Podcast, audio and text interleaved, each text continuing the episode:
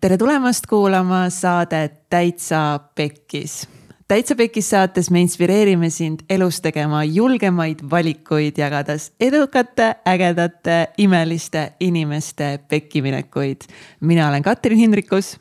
ja mina olen Vetemaa Mihkel ja tänases saates on meil külas selline fantastiline, võrratu, julge naisterahvas nagu Ingrid Tšoia aus sõna, me teame ta nime, aga Ingrid Sirel as known as Tšoia. okei, okei, okei. Ingrid Tšoia Sirel täpselt nii Ciao. ja sõbrad ütlevad siis Joya. Eh, Ingrid on siis terapeut, coach, koolitaja ja inspiratsioonikõneleja. ta toetab inimesi nii suhtealaste probleemide ja enesearengualase nõustamise kui ka teadliku toitumise õpetajana. Eh, ta koolitab nii eraisikuid kui ka ettevõtteid just teadlike muutuste loomise teel üheks tema suurimaks kireks on ka eksklusiivsete meelelahutussündmuste loomine, kus inimesed saavad siis nautida tõeliselt iseendaks olemist. Mm. Äh, peale selle on ta ka veel loodusterapeut ning aitab ka just loodusabiga äh, ennast tervendada, toetada ja turgutada. ning varasemalt siis nii-öelda ka võib öelda lausa varasemas elus äh, töötas ta reklaami ja turundusjuhina meedia ja sündmusturunduste valdkonnas aga peamine teema, millest me siis saates rääkisime just, see on see, et tema pojal Tormil on väga haruldane eh, geenihäire, geeni eh, probleem nimega GLUT1 puudulikkuse sündroom mm,. jaa ja see lugu, kuidas siis äh, nad on pidanud võitlema ellujäämise ja hakkama saamise nimel on metsikult inspireeriv ja kurb ja võimas ja ilus. kõike samal ajal, nii et kui see saade sind äh, kuidagi puudutas või toetas, siis palun jaga seda ka mõne teise inimesega, keda võiks tõesti saade väga inspireerida, et ma olen nii kindel, et see saade tõmbab teil energia käima ja paneb uskuma. ja võib-olla toob isegi vahepeal kerge pisara silma mm. -hmm. Mm -hmm tõesti jah, see oli väga ilus, väga inspireeriv saade, täpselt nii nagu just Mihkel Vetemaa ütles. ja minu meelest on see lihtsalt nii hea esimese, esimese hooaja ja me alustasime täitsa pekkis saatega alles nüüd. nii äh, inspireeriv, äge, ilus saade alustamaks meie siis äh, kuuendat hooaega. et äh, Ingridiga tõesti sai fantastiliselt äge saade ja, ja täitsa Pekkis saatel on siis ka eh, selline kogukond eh, Patreonis, nagu on La Familia. Eh, võib-olla oled kuulnud sellest varasemates saadetes, varasematel hooaegadel, et me oleme kutsunud siis sind üles toetama meid sellises keskkonnas nagu Patreon. ja sinna oleme me nüüd väga palju juba uusi ka siis saateid üles laadinud ja siis sellest hooajast alates siis me oleme siis selle Patreoni kogukonna rebrand inud ja, ja võtnud siis uue fookuse ja suuna ja siis nüüd saab uhkusega öelda, et täitsa pekkis. Äh, Patreon on äh, enese arenguplatvorm ägedale, ilusale, edukale, ambitsioonikale naisele, kes soovib saada siis uusi teadmisi, inspiratsiooni, meelelahutust. ning ka julgele mehele, kes soovib seda kõike salaja pealt kuulata. Boom mine vaata neid Mihkli nägusid äh, lihtsalt äh, videost video, kusjuures nüüd ka Spotify's äh, saadaval, et kui sa veel ei kuula meid Spotify'st, siis mine kuula Spotify's, seal saad ka videot vaadata või siis alati hea viis äh, minna, minna Youtube'i. aga ja, äh, tule täitsa pekkis siis La Familia perekonda, saad siis sellega liituda patreon.com kaldkriips Taitsa Pekkis, siis. oota, kus see oli? Patreon.com kaldkriips Taitsa pekkis. aa, nagu patreon.com kaldkriips Taitsa pekkis või? just wow., trükid selle sisse, kas mm, siis telefonis super. või äh, arvutis enda brauseris. Äh, ja siis. Äh, valid sealt siis sellise paketi nagu La Familia ja kusjuures see on ainult viisteist eurot kuus sulle. saad siis kuulata erinevaid saateid, näiteks siis meil on seal Choice Factory saade, kus siis mina ja minu kolm kõige ägedamat, lahedamat imelisemad sõbrannad Teele Saul, Lotta Kirke-Kapral ja Karmen Reivik, kus me siis koos istume ja avame ennast naistena. Räägime seksuaalsusest, rahast, karjäärist, suhetest, you name it, mida naised tavaliselt saunas justkui räägivad aga keegi muu sellest ei kuule, aga meie otsustasime ka siis oma väga avatud äh, südamega vestlusi salvestada ja jagada sinuga. ja nagu Egert ütles meie hooaja avasaates, see on suurepärane koht, kus mehena kuulata natukese pealt, mida naised räägivad ja võib-olla veidi paremini nendest aru saada, nende väljakutsetest ja kuidas siis ise nendega paremini toime tulla ja, ja seal on äh, minu ja Kaido Kubri siis äh, erinevad show'd, kus me räägime ka samamoodi naiste erinevatel teemadel äh,, kuidas siis äh, mehi rohkem imetleda, neid austada, kuidas tülisid lahendada, kuidas oma lapsi kasvatada, kuidas olla lihtsalt igapäevaselt parem inimene, et need tõesti on kuldseid äh, nageteid äh, täis. Minu ja Kaido saated ja seal on veel minu ja Mihkli saated ja sinna on lisandumas siis ka muude ägedate Eesti naiste saated erinevatel teemadel, nii et see kogukond saab olema lihtsalt fire, juba on, juba on, juba on sihuke nagu leek on juba, aga see lihtsalt läheb nagu. süttib. süttib lihtsalt leegina. äge kogukond, ägedaid naisi ja siis ka veel toredaid mehi. head kuulamist tere nagu alati, iga Täitsa Peks saade peab algama naeruga, rõõmuga, sellepärast et täna on meil väga rõõmsa nimega naisterahvas siin kohal. tšau, Joia hei, hei. tere tulemast Rõõm on olla siin mm. -hmm. me nagu mõtlesime, kust me alustame, aga nagu nüüd ma pean ikkagi küsima, mis värk selle Joiaga on? nimega või? jah. Äh, ma võtsin selle nime ise, iseendale. kust sa võtsid? Äh, lihtsalt tuli tegelikult selle nimega on sihuke lugu, et ma aastaid tagasi emale tegin mingit äh, kontot kuskile keskkonda. ja siis mõtlesin kasutaja nime välja tükk aega, ühtegi head asja tunda, siis tuli Joia. ja, ja siis minu, mitu aastat hiljem kunagi ma järsku avastasin, et äh, selle nime enda jaoks, et see on täiega ilus nimi. see on, see on tõesti ilus nimi. jah, see on joy, see on lihtsalt puhas rõõm ja siis ma võtsingi varsti, varsti kohe saab see mul äh, passi ka ametlikult äh, teiseks nimeks, et oleks, ähm, elu on mäng ju. kusjuures nagu see, tead, ma ei tea, kas sa tead, kui haruldane asi sinuga juhtus et sa olid võimeline oma mingi keskkonna kasutanime endale nimeks võtma. kui ma oleks oma rattakeskkonna kasutanime endale nimeks võtnud, mu nimi oleks praegu Geto nelikümmend viis olin kolmeteistaastane Tartu poiss, üli tagasihoidlik mingi spordisärgiga. geto nelikümmend viis mm.. sinu geto oli siis G-ga või? ja, ja ikka GH ah,. geto, no full geto nelikümmend viis. okei. sihuke noh, peenike valge poiss kuskilt Tartu mingi viisakast piirkonnast see, et see ühesõnaga ei ole mingi väga sihukene väga seksikas või väga vaimselt deep lugu, aga, aga see kõnetab mind ja see nimi on lihtsalt ise mhm. tulnud mm -hmm. ja, ja ma tunnen, et see toob minu olemusse ja minu ellu juurde mingisugust rõõmu ja mängulisust. et kui ma kipun väga tõsiseks minema, siis see Joia äh,, sellest on saanud ka minu bränd ja kaubamärk äh,. et see kuidagi toob, see rikastab mu elu ja miks mitte absoluutselt, kui saab, loomulikult. ma ju võin seda teha, ma võin alati ka ümber mõelda. Ja, ja siis uuesti niipidi mõelda, nii et see on niisugune julgus lubada seda iseendale pigem. aga siis Ingridi jätad ikkagist. ja, ja ikka, sest Ingrid ma olen ka, aga nüüd ma olen siis äh, joyful Ingrid. I love it aga sinu elutee, mis on väga põnev, millest me tänases saates räägime, väga crazy dest äh, väljakutsetest, ei ole kogu aeg nii joyful olnud. ja enne seda juba, kui sinu poeg Tormi sündis, kõik Tormi naljad siseste siia, siis äh, sul oli juba, sa olid juba läbi põlenud. et äh, miks sa olid läbi põlenud oma enne poja sündi? no minu, kui rääkida pojast, siis, äh, siis see poeg, kellest me täna ka rohkem rääkima hakkame, on minu kolmas laps Äh,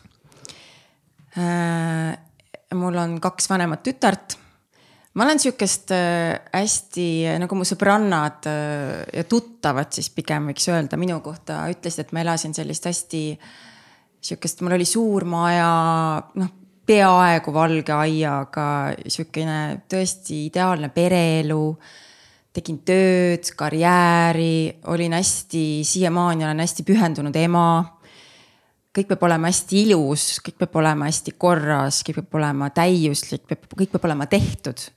ehk siis äh, nii juhtub, kui sa tahad liiga palju iseendalt ja endalt ümbritsevatelt ka ilmselt.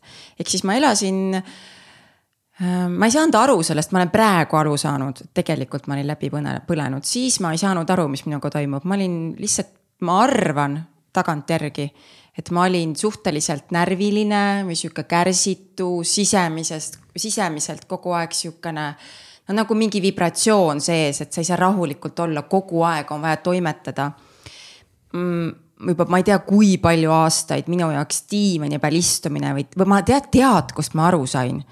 praegu ma saan aru, ma taipamise sain teie saates praegu otse laivis. see punkt, kus ma äh, kus ma nii-öelda, oli seda kärsa lõhna tunda, see üks, üks märk oli sellest, et ma ei istunud enam üldse diivani peal, ei vaadanud üldse telekat või ei lugenud või istumine kui selline asend oli täiesti välistatud minu jaoks. Wow.. et, äh, et, et lihtsalt ma ei tea, kaisutaks mehega või, või, või vaataks lastega koos multikat või ma ei tea, loeks raamatut või noh mees istus vahepeal diivanil, vaatas filmi õhtuti või telekat. lapsed tegid seal midagi, kui külalised olid, siis ma ka ilmselt istusin ja ajasin juttu, aga see, et ma oleks võtnud endale aega ja lihtsalt olnud äh,. seda ei olnud.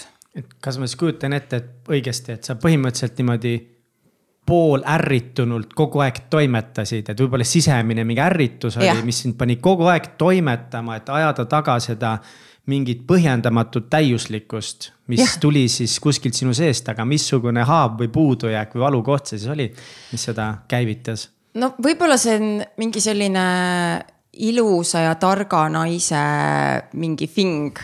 et, et ma pean tõestama, et ma olen ilus ja siis ma olen tark ka. ja ma olen tubli ka ja siis ma olen kõik asjad korraga.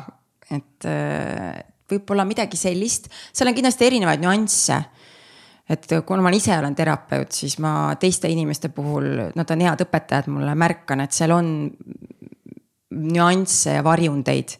kuidas me siis seda taga ajame, aga mm, -hmm. aga laias laastus lihtsustatult võib-olla võib taandada sellele, et tõestada siis äh, äh, ma ei tea, maailmale, oma perekonnale, emale või isale, kellele iganes, et ma olen tubli. aga nagu pigem siis emale või isale kuna ma olen suhteliselt ilma isata üles kasvanud mm, -hmm. siis äh, ilmselt äh, isale. nagu kõlab nagu minu elu ja tead sa, mis või, tead, ma nüüd ma teen küll selle saatega ühe bängeri. nii. võtan endale selle vaba voli, et, äh, et minu äh, isa perekond ega suguvõsa ei tea, et ma olen olemas. ma olen selline salalaps nii et äh, kui nüüd keegi ise kuskilt läbi midagi häkib või närib, siis saab aru, et äh, tegelikult ma olen olemas, ma olen väga nähtav ja ma olen hästi ilus ja ma olen tubli ja ma olen tark ja ma olen osav ja siis ma olen kogu sellest pingutusest sada korda läbi ka põlenud. aga aru saanud, et tegelikult ma ei pea tõestama ennast oma, oma, oma perekonnale või selleks, et olla vastu võetud. oota, aga sinu isa teab, et sa oled tema laps või? jaa, aga keegi teine ei tea mm.. Mm -hmm okei okay., et siis päris noorelt ta siis äh, lahk läks minema? jah, just. et äh,, et vot nad on mingid sihukesed äh, meie ikka, meil kõigil on mingisugused lapsepõlvest pärit driver'id, mis mind panevad siin elus ja kui isegi, kui ma ei tunnista, pole mitte kunagi tunnistanud, et ma olen igatsenud oma isa järgi mm, -hmm. ma olen alati olnud see, et mis mõttes, mul ei ole teda olnud ja. Pole vaja ka. Pole vaja ka ja ma saan, ja see on kõik tõsi, ma saan hakkama ja saangi väga hästi hakkama lihtsalt äh, sel hetkel, kui ma liiga hästi juba hakkama saan ja liiga palju asju teen, siis nüüd tagantjärgi ma saan aru, et mis on mind tegelikult äh, lükanud, mis on see kütus olnud. ja see on ka kahe, kahe sihuke nagu mündil on kaks külge, et see on hea külg ja halb yeah. külg mm, -hmm. sellel on hea külg ka olemas. see on tõesti see, mis paneb mind, kütab tagant, et ma teen mingeid asju ja tahan rohkemat, mis on ühtpidi hea teistpidi on see tasakaalu küsimus seal jälle on ju, et kui palju, kui no, palju on. tervet seda Täitsa Pekkis saadet ei eksisteeriks, kui mul, mul poleks olnud tohutut vajadust äh, enda isale äh, tõestada alateadlikult. et äh, et otsida seda armastust nagu väljaspoolt, et palun nähke, näh-, nähke keegi mind ja palun armastage mind. et noh, seda saadet ei oleks täna No vot siis. et noh, ongi ühtepidi on nagu see thriving force, aga teistpidi nagu noh, me ju ei saa kunagi seda lõput, lõp, lõplikult nagu sealt kätte, kus me justkui tahame seda saada, on ju. jah, just mm. -hmm. ja, ja, ja kui ma sellest aru saan ja teadvustan seda iseendale, see ei tähenda, et see kohe automaatselt ära kaob. aga mulle tundub, et ma teen endale vähem haiget mm -hmm. ja ma teen endale vähem liiga, kui ma märkan seda, et okei okay,, nüüd ma teen seda ja ma saan valida mm -hmm. uuesti, panna stopi või täiskütuses edasi anda, et okei okay,, läksime, et ma teen seda, sest ma tahan huvitav on see, et kui ma mõtlen nüüd vist mingi viimase kümne eduka naisega, kellega ma olen kohtunud ja kes on edumeelne, et praegu siin on äh, Katrin ja Ingrid, on ju. ja meil saates on veel käinud, kui ma võtan nagu kokku viimased kümme naist, kellega ma olen rääkinud ja kes just on selles mõttes, et kellel on see tohutu drive olla edukas, väga tubli, on seal täiuslikkust väga, siis kõigil nendel on olnud on olnud see nagu mingi probleem isaga nii-öelda jah. et kas, see on nüüd ma- räme üldistamine ja ma ei usu kunagi üldistamistesse, aga nagu kas siis põhimõtteliselt nagu enamus väga edumeestel, edumeelsetel naistel ongi kõigil siis isa vähe armastust andnud ja teistpidi, nagu te ütlesite, et see võib ka siis väga hea olla, sest see on need naised nagu pannud tegusid tegema. kas ongi nii siis või? ma, no vot, ma arvan, et see paljudel juhtudel on niimoodi, kunagi ei saa öelda alati. ja mis on see üks nendest põhjustest seal taga, on see, et isa annab, kui ema annab oma lapsele sisemaailma tunnetuse, kontakti oma tunnetega, oma sisemiste vajaduste, soovide, kõige selle poolega. Siis isa annab kontakti välismaailmaga, ta annab need piirid mm. ja materiaalse, igasuguse materiaalse maailmaga, mitte ainult rahalise, vaid igasuguse materiaalse maailmaga. kontakti ja tunnetuse selle iseenda sisemise jõuga, kui palju ma midagi teen ja loon, ka materiaalsust ja kui see on jäänud väga vajaka siis seda rohkem on seda vaja tõestada, et I can do it. väga huvitav see lõpp, no ma, ma ei tea, mida arvata sellest nagu, et nüüd ongi noh, et, et kõik, kõik juhtub sinu elus nagu põhjusega on ju ja päeva lõpuks. mulle meeldibki see, et, et see on nagu sinu teha. mis sa selle olukorraga peale hakkad, et kas sa andestad iseendale, oma isale usud, et nii-öelda kõik tegid hetkes parima mm -hmm. ja võtad selle nagu jõu ja teed oma elu selliseks, nagu sa tahad, on ju. aga teistpidi nagu, noh, kui nendel isadel viga on, nagu võtke kokku ennast no see on, mina olen sihuke nõukogude aja laps ju, seal ei olnud mingit sihukest äh, asja, et isad lükkavad vankreid või mm, -hmm. või, või tegelevad väga, oli muidugi sihukesi peresid ka. aga see ei olnud ühiskondlikus plaanis mingi trend vähemalt kus mina kasvanud olen ja minu sõbrannade hulgas äh, ja minu naabritüdrukute hulgas kindlasti mitte, olid väga üksikud sellised pered. Aga nüüd äh, küsimuse juurde tagasi tulles, mis siis oli? Äh, enne kolmanda lapse sündi, tead, ma ei osanud nautida seda, mis mul on, et mul on ema ka selline, teeb ainult tööd ja ainult toimetab ja kunagi ma vist teda diivanil istumas näinud ei ole lapsepõlves, sihukest asendit no ma, ma ei ole kasvanud sellises keskkonnas, kus oleks asendit nagu puhkus. Ja, ja sealt tuleb see, et ma ei oskagi nautida väga seda teadlikult, mis mul on. ja, ja siis tuleb elu ja õpetab sulle tavaliselt mitte väga meeldival moel, et äh, kuidas äh, siis mitte väliselt väärtustada, vaid kuidas iseenda sees nautida ja tunda rõõmu sellest, mis mul on noh, ma tundsin rõõmu, muidugi ma tundsin rõõmu oma lastest ja, ja muidugi, aga, aga, aga, aga nüüd mul on hoopis teine arusaam sellest kõigest. laste kaisu võtmisest, nendega kaisutamisest, müramisest, noh, täiesti, seal on hoopis teine tasand, kui ma teen seda ma teen seda kuidagi nagu raku tasandil ja ma ei pea seda päevad läbi tegema, piisab, kui ma kümme minutit võtan endale seda aega.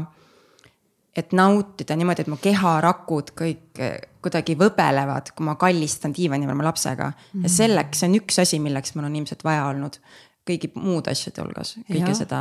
et mitte teha. võtta kõike seda nagu iseenesestmõistetavalt. vot, vot see, et jah, et küll jõuab, et see on nagu järjekorras viimane asi.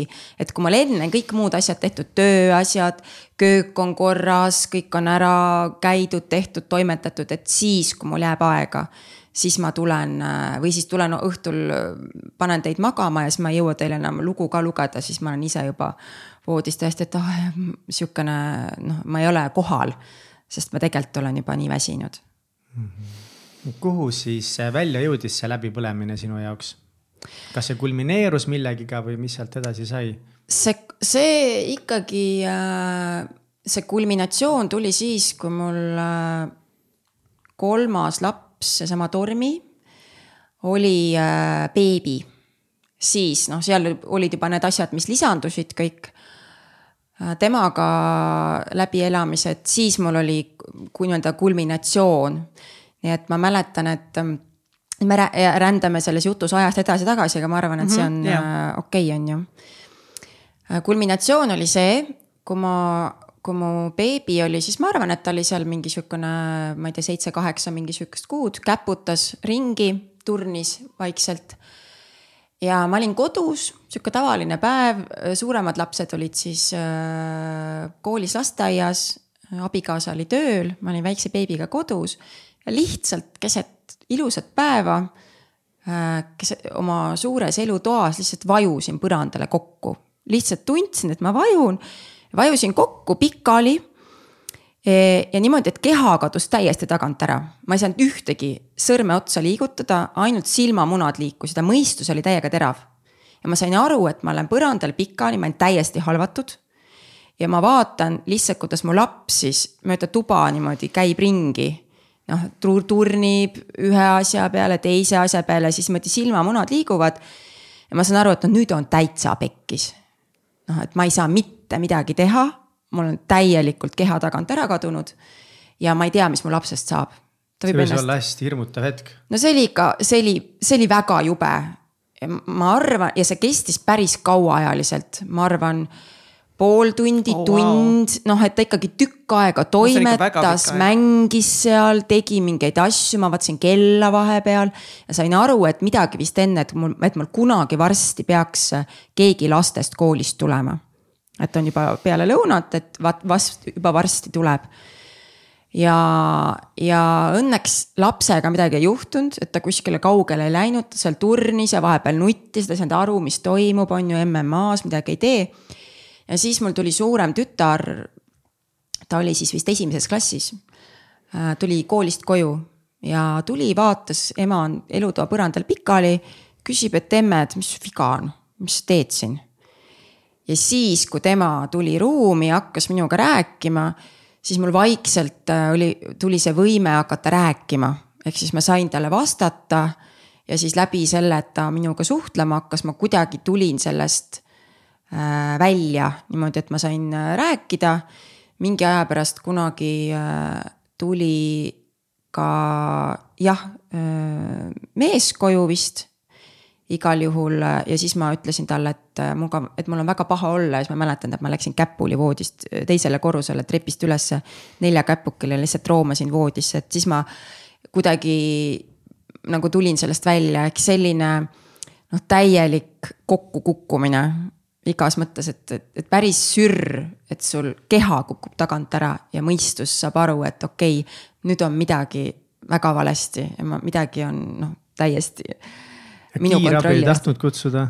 ei, ei tahtnud, sellepärast et see hirm, et kuskilt keegi, ma ei tea, noh, et, et, et see hirm tunnistada iseendale, et ma mm. ei saa hakkama selle situatsiooniga. see oli, see hirm oli nii suur, et ma ei, kellelegi ei öelnud, et minuga siuksed asjad juhtusid. või see asi või üldse mingisugused, ühelegi sõbrannale. ma kõigile ütlesin ja, et mul läheb, võib-olla vahepeal kurtsin, et ma ei tea mehega mingi või lastega mingid asjad, mingid sihukese klaasikese veini ääres, mingit sihukest chit-chat'i. aga see oli kõik sihuke small talk. aga miks? ma ei tea, miks äh, üldse ei räägita nendest asjadest äh, omavahel, ma arvan, et see on ikkagi see minu puhul äh, nii suur hirm ja häbi tunnistada iseendale, et ma ei ole hakkama saanud nii, nagu ma olen tahtnud iseendaga ja oma eluga ikkagi need on ju eelkõige standardid iseendale, keegi ei nõudnud mult seda. et ma oleksin hästi tubli ja ilus ja, ja alati heas vormis ja teeksin trenni ja tööd ja, ja noh, kõiki neid asju, mida peab justkui tegema, ma ise tahtsin ja ma ise seadsin nõu, nii-öelda nõuded iseendale. sa oled väga ilus ja sa oled aitäh, väga heas vormis. jah, ma tänan. ja nüüd ma teen seda hoopis teistmoodi, seda vormis olekut ka, et siis ma käisin trennis ka niimoodi, et ikkagi veri, higi, pisarad, noh ikka jõusaalis suured kangid ja ikkagi siuksed hardcore kõrge pulsiga trennid ja. ja võtsin maksimumi sellest, nüüd ma olen õppinud nautima seda, ma teen trenni ka nii, et ma naudin aga sa ütlesid enne korra lihtsalt Jah. seda, et mis, mis karjääri sa tegid? ma olin äh, turundusreklaami juht. Ja kuna tegemist oli pereettevõttega, siis päris palju tuli tööd koju kaasa ka. ehk siis ma, ja et tööaeg sai justkui läbi, aga tegelikult ma mõtlesin tööasjade peale päris palju peale seda ka veel. tegin mingeid asju õhtuti, öösiti, mul on kogu aeg see teema olnud, et ma teen tööd kodus ka see halb harjumus, mida ma siiamaani ei ole suutnud, noh kuna ma nüüd olen eraettevõtja, siis ma teen, nüüd on mul kogu aeg põhjust seda teha. et mul ei olegi seda kellaaega mm, -hmm. kuna algus ja lõpp on, et see on see. ei, oskamatus ennast välja lülitada nendest asjadest. noh, kui see driver on nii tugev enda sees, et su asjad peavad väga hästi tehtud olema, siis välja lülitamine ongi. ega need asjad kunagi otsa ei saa, vaata. just ja seal on ja seal on see, see koht, et kui ma ei näe seda driver'it, mis mind drive ib, siis ma ei näe seda nuppu ka, kust välja lülitada mm.. kui ma näen driver'i ära kui sa ei ole nagu teadlik sellest. ja kui ma olen teadlik, mis mind niimoodi paneb mingeid asju üle tegema, siis ma näen ära ka selle võimaluse, kuidas sellest väljuda. ja kui ma ei näe, ma lihtsalt teen ja lõhun iseennast, siis puudub ligipääs sellele off nupule ka või et noh, ma nüüd istun diivani peal, mul ka sõbrannad ja tuttavad ja ka kõik naersid, et kuule, noh, ma ei, mul ei olegi seda istuvat asendit, et ma lihtsalt kogu aeg jooksen ja teen kõiki asju hästi palju kui sul nii nagu kiire elu oli ja see nii nagu piiri peal, et kust see üldse mõte tuli, kolmas laps?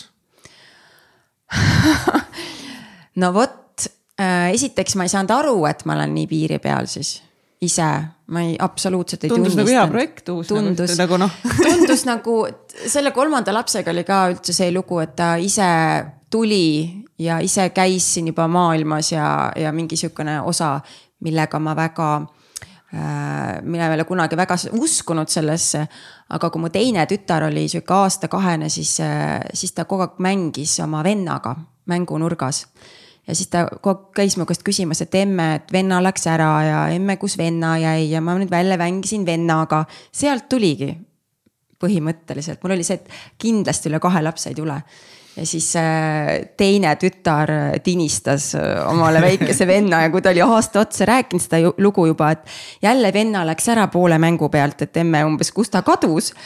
ja siis ma ütlesin, sul ei ole vennat, ma ju mängisin temaga just. ja siis ta kuidagi läbi selle nagu tuli sihukene seeme kuskile minu teadvusesse, et aa, kuskil on mingi venna. Ja nii ja kuidagi see nii, nii see mehega rääkisime ja, ja siis temal oli alguses ei mingit vennat. ja mul oli ka, et ei, ei, ei, aga mingi aeg oli see koht, et okei okay,, nüüd tuleb venna. Ja siis tuligi tormi aga kas see venna tuli sinna ka sellepärast, et kuidagi suhtesse mingit uut asja tuua või midagi, ma kujutan ette, et nii stressirohkes elus oli ka suhe juba omajagu kannatada saanud selle stressi all., kindlasti oli endast, me olime üksteisest kaugenenud, me ei rääkinud väga mingitest asjadest, justkui oli näiliselt hästi. aga, aga sellist avatud lähedust ei olnud ja kindlasti oli see kolmas laps osa ka sellest suhte päästmise projektist. jällegi hästi alateadlikult, see ei olnud teadlik valik, et kallis, päästame meie suhte, teeme lapse mm. -hmm. ta ei ole kunagi nii, aga, aga üllatavalt tavaline asi juhtub. üllatavalt tavaline asi. ja, ja mis ma olen nüüd siia vahele võin veel sellise nagu taipamise jagada, et mida ma olen iseenda kogemusest ja saanud hästi palju teiste nagu läbi oma töö nagu teiste kogemuste ka aru, et need lapsed, kes sünnivad, kes tuuakse siia maailma läbi päästmise projekti Päästa suhe siis nende lastega seonduvalt tihtilugu vanemad tunnevad äh, suuremat süütunnet kui seoses teiste lastega, ehk siis need on need lapsed, keda kiputakse üle tupsutama, üle kaitsma, nende pärast üle muretsema sest neil on mingi missioon, see on nagu sihuke energeetiline või sihuke mm. alateadlik värk, et nendega seonduvalt on mingi missioon Nendel lastel endal on hästi keeruline selle missiooniga sündida, neil on tihti mingid jamad ja mingid värgid, sest nad on tulnud siia suhet päästma. ja kõige parem viis, kuidas suhet päästa, on läbi haiguste ja õnnetuste. sellepärast, et see seob vanemaid. hästi tugev muster mm. Igasugused jamad seovad vanemaid, et kui muidu võiks veel vaielda või kraagelda, siis kui jama on majas, siis vanematel on vaja tulla ühte ruumi kokku ja rääkida asjast läbi südame mm,. no see on väga asjakohane siis segue, nagu inglise keeles öeldakse, otse siis äh, tormisse mm. -hmm. et äh, räägi siis äh, temast, tema sünnist ja mis sealt edasi sai. no Tormi oli selleks hetkeks, kui ta tuli, oli ta väga oodatud. kõigil oli nii hea meel. ja ja sündis täiesti ilus, imeilus äh, sihuke kaanepoiss, ajakirjade kaantel oli ta ja sihuke maailma kõige nunnum beebi, keda sa võid endale ette kujutada. ja, ja kuni selle hetkeni, kuni ta oli kolmekuune.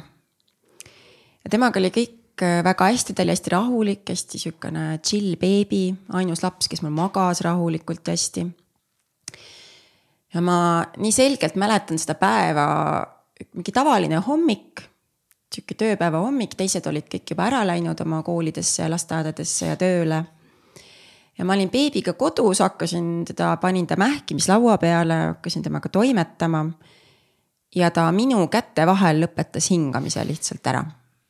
Lihtsalt lamab, naeratab ja lihtsalt järsku vaatan, et mis asja, ta ei ta ei hinga. ja hakkab niimoodi muutuma siniseks ja lillaks ja lihtsalt noh, seisad, vaatad, et mitte midagi ei juhtunud lapsega.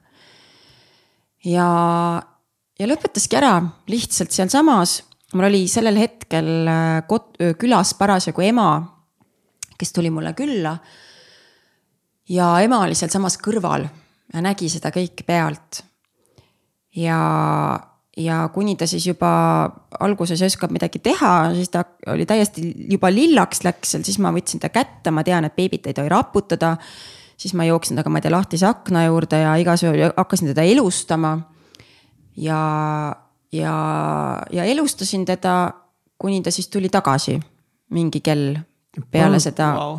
kirjelda nagu seda, mida sa tundsid sel hetkel või mis su peast läbi käis, kui ühel hetkel naeratas ja järsku on, mis su nagu peas hakkas toimuma? tead, see on selline ebareaalselt intensiivne tunne, see on see, et äh, kui su maailm on, kujutame ette, et kogu see maailm, mis sinu sees on, on üks tohutu suur loss ja sellel on hästi ilus suur loss. ja siis korraga nagu mingis filmis, see lihtsalt kõik kukub kokku niimoodi ja sa ei saa, sa ei saa aru, mis asi see on, mis parasjagu juhtub. lihtsalt kohutavalt suur paanika. Äh, teadmatus selle juures, sa ei saa ju aru ju mõistusega mitte millestki, et ei ole juhtunud ju mitte midagi ju. noh, kui midagi juhtuks, mingi õnnetus, siis sa veel kuidagi saad aru, aga ei ole seda. sest laps sureb ära. lakkab hingama. lihtsalt sureb ära sinu käes täiesti lambist. võtad sülle, teed midagi seal, mitte midagi, nagu sült lihtsalt. ja, ja, aga see on, ja see on see nüüd see moment, kus sa siis tardud, kas täielikult tardud või siis sa suudad ikkagi äh, toimida. Õnneks ma suutsin toimida, sest ma sain aru, et, äh, et siin ei ole mitte midagi, noh, kuhu ma põgenen, hakkan nutma või karjuma või see ei päästa mitte midagi. Õnneks mul ema on ka selline. Nii et siis, äh, siis ema ka äh, aitas. talvine aeg oli kuna mu laps on detsembris sündinud ja ma arvan, see märts on ju mingi kevadine aeg, aga õues oli külm. ja läksime siis, et järsku see õhuvahetus, me hakkasime teda kloppima seal ja ma ei tea, mis iganes asju tegema. ja see paanika sees oli ikkagi tohutu. ja siis, kui me saime ta ära elustatud, siis ma. Sorry, kuidas sa elustasid teda? No mida, mida ma olen äh, näinud, ma selja peale, et kuidas panna laps niimoodi pea natuke alaspidi, siis ma hakkasin talle selja peale taguma, siis ma hakkasin teda eest südame koha pealt masseerima. lihtsalt kõigepealt proovisin kloppida natukene, aga niimoodi, et ma ei raputaks teda yeah,. Yeah. ehk siis nagu hakkasin teda kloppima mm. -hmm et teda kuidagi nagu elule tagasi tuua, sest ma ei saanud aru, mis tal juhtus ju. noh, Mhm. beebid ei saa infarkti, vähemalt minu teadmist mööda mm. -hmm. ja, ja siis kloppisin selja pealt ja, ja eest äh, rinna pealt äh, vajutasin nagu südamemassaaži tehakse. ja, ja niimoodi ta siis lõpuks äh, lihtsalt järsku käis mingi ja siis hakkas äh, uuesti hingama. siinkohal nagu kõik emad, isad, õed, vennad. kui vähegi võimalik, minge õppige kuskil elustamistehnikaid. Mis- mis teha, on ju, just see, mis teha selles olukorras, et üldse nagu natukese jääda. Et nii suurepärane, et sa jäid. et, et sa midagigi tead, ma Jah. teadsin see, et okei okay,, ma tean, et ma ei tohi teda raputada, no seda on nagu see, et beebist ei tohi raputada, sellepärast et saab ajukahjustuse, kui ma teda hakkan seal ilgelt mm. -hmm. mul on ju nii suur jõud ju mm, -hmm. ja tema on nii pisikene, et seda mm -hmm. ma siis hoidsin, et ma ei raputaks teda, et ma teistpidi siis teda tagusin. ja masseerisin ühte ja teistpidi, ma lihtsalt lõpuks ma täiesti nagu korralikult ikkagi tagusin teda. oh my god, appi ja siis lõpuks tuli see. ja, ja siis tuli lõpuks see ja, ja ta hakkas uuesti hingama ja sealt ma edasi tegelikult seda, mis siis sai, seda selle koha pealt mul on täielik black out. et, et mingi jupp, mida ma mitte midagi ei mäleta, et mis ta siis tegi või mis mina siis tegin. ma kutsusin kiirabi, kui ma ta elule sain, sest sellel hetkel ma tegelesin elustamisega, siis mul ei olnud seda mahti kui kiirabi jõudis, ta kiirabil ma, läks ka mingi aeg, on ju, niikaua kui ta jõuab. Selleks ajaks oli lapse nahavärv enam-vähem taastunud. sihukene enam-vähem normaalne. ja siis, kui ma kiirabile rääkisin, mis juhtus, siis ma, noh, nad ei öelnud seda välja, aga, aga see suhtumine, kõik see oli see, et, et ma ilmselt ma, minuga ei ole kõik hästi. et kui ma kirjeldasin, mis juhtus, siis nad vaatasid mulle otsa, sihuke natukene kortsuskulmuga, et ahah nojah, ja siis ma sain aru, et, et, et, et, et neil jäi tunne, et ma olen vist natukene kuskilt kuku või et noh, et. et kuidas laps moodi elustate ja sureb ära ja siis ärkab ellu ja nüüd me vaatame, tal on kõik korras. Aa, et, et, et noh, et, et tõenäoliselt ta ikka tegelikult ei ja, lõpeta ja, ja et, et, et mul on midagi. lihtsalt mingi paanikahäire emal mm. et, et, et peale seda nemad igast asju seal mõõtsid, seda hapnikusisaldust veres ja mis tehakse ja need näitajad olid äh, enam-vähem okeid kõik mm. -hmm. et äh, ütlesid seal küll, et midagi on natuke madal, aga et see on okei okay,, et ei ole midagi vaja teha ja siis oligi, nad läksid ära, ütlesid, et kõik on äh, all good, et äh, midagi ei ole ja siis ma jäin koju niimoodi teadmises, et mu laps just hetk tagasi minu käte vahel põhimõtteliselt suri ära. ja pa, palun pane nüüd seesama laps magama järgmine kord, noh, sellel samal õhtul voodisse niimoodi, et sa noh, paned ta voodisse. ja sa no, tead, et ma ei ole kindel, et aga kui see une pealt juhtub, siis ta ei ärka ülesse ju. noh, mingi no, sa ei pane seda last käest ära enam justkui nagu. mm, sa panedki ta vankrisse ja, ja see töö iseendaga, vot sealt hakkas see, ma arvan, siis see minu enesearengu teekond pihta, et kuidas ma teen seda, kuidas ma panen ta käest ära. noh, niimoodi, et ma, et kuidas ma öösel magan, ma ei mäleta sellest äh, nädalast, ma saan rääkida nädalast mitte midagi. sest nädala aja pärast kordus uuesti sama asi. aga siis juba kordus teises kontekstis ja siis ta päris ei lakanud hingamast, siis oli nädalavahetuse päev, ma mäletan, kuna kõik olid kodus. Lapsed olid kodus, mul mees oli kodus. keset päeva järsku beebi hakkab hingamist ära lõpetama lihtsalt, näen, et ta jälle hakkab lõpetama, lihtsalt hakkab nagu kaob ära vaikselt. aga midagi on alles, lihtsalt kaob ära, hakkab lihtsalt niimoodi kukub ära ja siis nagu vaikselt tuleb tagasi ja uuesti kukub ära minu, minu süles ja siis oli teine hetk, kus ma lihtsalt röökisin oma mehele, et palun kutsu kiirabi ja siis, kui mees seda situatsiooni nägi, mul on nii meeles, et ta lihtsalt friisis ära, seisis keset tuba. kiirabi, mis see noh, vot nii juhtub, et sa ei mäleta numbrit, sa ei mäleta mitte midagi, sa lähed täielikku šokki. ja siis tuli kiirabi. ja siis oli see koht, kus nad ütlesid, et okei okay,, et selle lapsega on midagi väga pahasti ja siis me läksime Vilkurite saatel haiglasse. kui me EMO-sse jõudsime, ta oli siis kolmekuune, kui me EMO-sse jõudsime, siis äh, see on teine pilt, mis mul on silmade ees, nagu see oleks eile juhtunud. ma mäletan, see oli Tallinna EMO. me läksime uksest sisse ja, ja siis äh, kiirabiarstid ütlesid arstidele, et me ei tea, mis sellega lapsega on, et tal oleks nagu infarkt olnud, aga beebidel ei saa olla infarkte, siis nad arutlesid seal paari sõnaga, et, et nad ei saa aru, mis selle lapsega toimub. ja siis ta uuesti äh, lõpetas äh, hingamise ära arstide käte vahel. ja siis äh, äh, äh, ma mäletan seda, et ma seisin, seal oli sihukene pikemat sorti koridor ja siis need arstid jooksid sealt koridorist niimoodi, et nende, nendel oli käes minu beebi. ja lihtsalt jooksevad ja, ja siis omavahel valju häälega räägivad, et umbes, et nad ei saa aru, mis juhtus ja nad ei saa aru, mis toimub, et kuidas me noh, et elustada on vaja seda last. aga mis tal on või mis temaga toimub. ja keegi ei saa mitte midagi aru ja seisan seal koridoris, mul ei ole, ma kuulen, kuidas kuskil arstid on kuskil eemal kuskil toimetavad, ma ei näe mitte midagi. ja lihtsalt seisad ja see tunne, ma lihtsalt palvetasin seal. lihtsalt palvetasin mm, -hmm. mitte midagi ei saa teha. lihtsalt palvetasin, et jumal, et ma palun ära, võta mult mu last ära. et mis iganes sa teed, lihtsalt ära võta mult mu last ära. ja see oli nagu no see on nii rets tunne ja nii rets kogemus, et äh, sa saad aru, kuidas kõik, mis sul on väärtuslikku, võib lihtsalt sõrmenipsust niimoodi, ta ei ole enam. ja, ja sa ei saa aru, miks. noh, see, see, mitte et ma arvan, et see, kui sa tead, miks, et ma, ma ei tea, kas see on lihtsam siis, aga see miks sealjuures on veel nagu eriti absurdne, et mis sa sa ei, nagu kuskil filmis on, see on mingi paralleelreaalsus, et kuidas see minuga praegu juhtub. et mis asi see on praegu, ma lihtsalt seisan siin ette-tagasi, mul oli kõik korras järsku mul ei ole lapsel enam kõik korras. ja siis me jäime haiglasse. me olime viis, mingi viis päeva, nädal aega olime haiglas, lapsele tehti absoluutselt kõikvõimalikud uuringud, mis üldse võimalik on. ja tunnistati ta täielikult terveks. ehk siis mitte midagi ei leitud et öeldi, et ta on täiesti ideaalselt terve laps. no ma arvan, et need arstid võib-olla ütlesid ka, et nagu, et selles mõttes, et ta paistab terve, sest nad ju ilmselgelt kõik nägid, et midagi juhtus, et selles mõttes ta nagu paistab terve, et me lihtsalt ei tea, mis temaga on.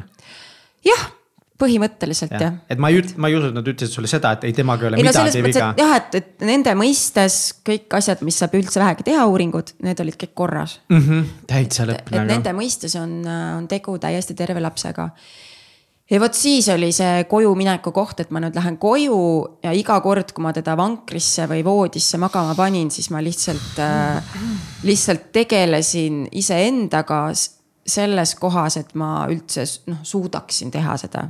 et ma üldse suudaks seda kuidagimoodi äh,. kogu perele see situatsioon oli ka hästi suur šokk, väikse, noh suurematele lastele ja kõigile, et, äh, et sealt hakkas see pihta, et nende jaoks oli see ka väga väga suur üleelamine, kui järsku tuleb mingi vilkuritega keegi ja, ja siis umbes venna sureb ära ja mm, -hmm. ja mingi selline, selline lugu.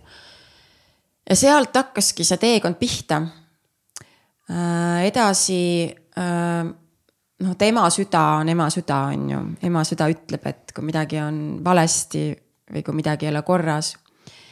edasi hakkasid juhtuma sellised, selliseid konkreetseid situatsioone ei juhtunud rohkem, siis aga juhtus see, et minu laps hakkas öösiti kohutavalt kriiskavalt nutma. selline nutt, vot sa saad aru, mis on nutt ja nutu vahe, kuna ta oli mu kolmas laps, siis mul oli juba päris parasjagu kogemusi lastega. ja ma sain aru, et midagi on väga valesti.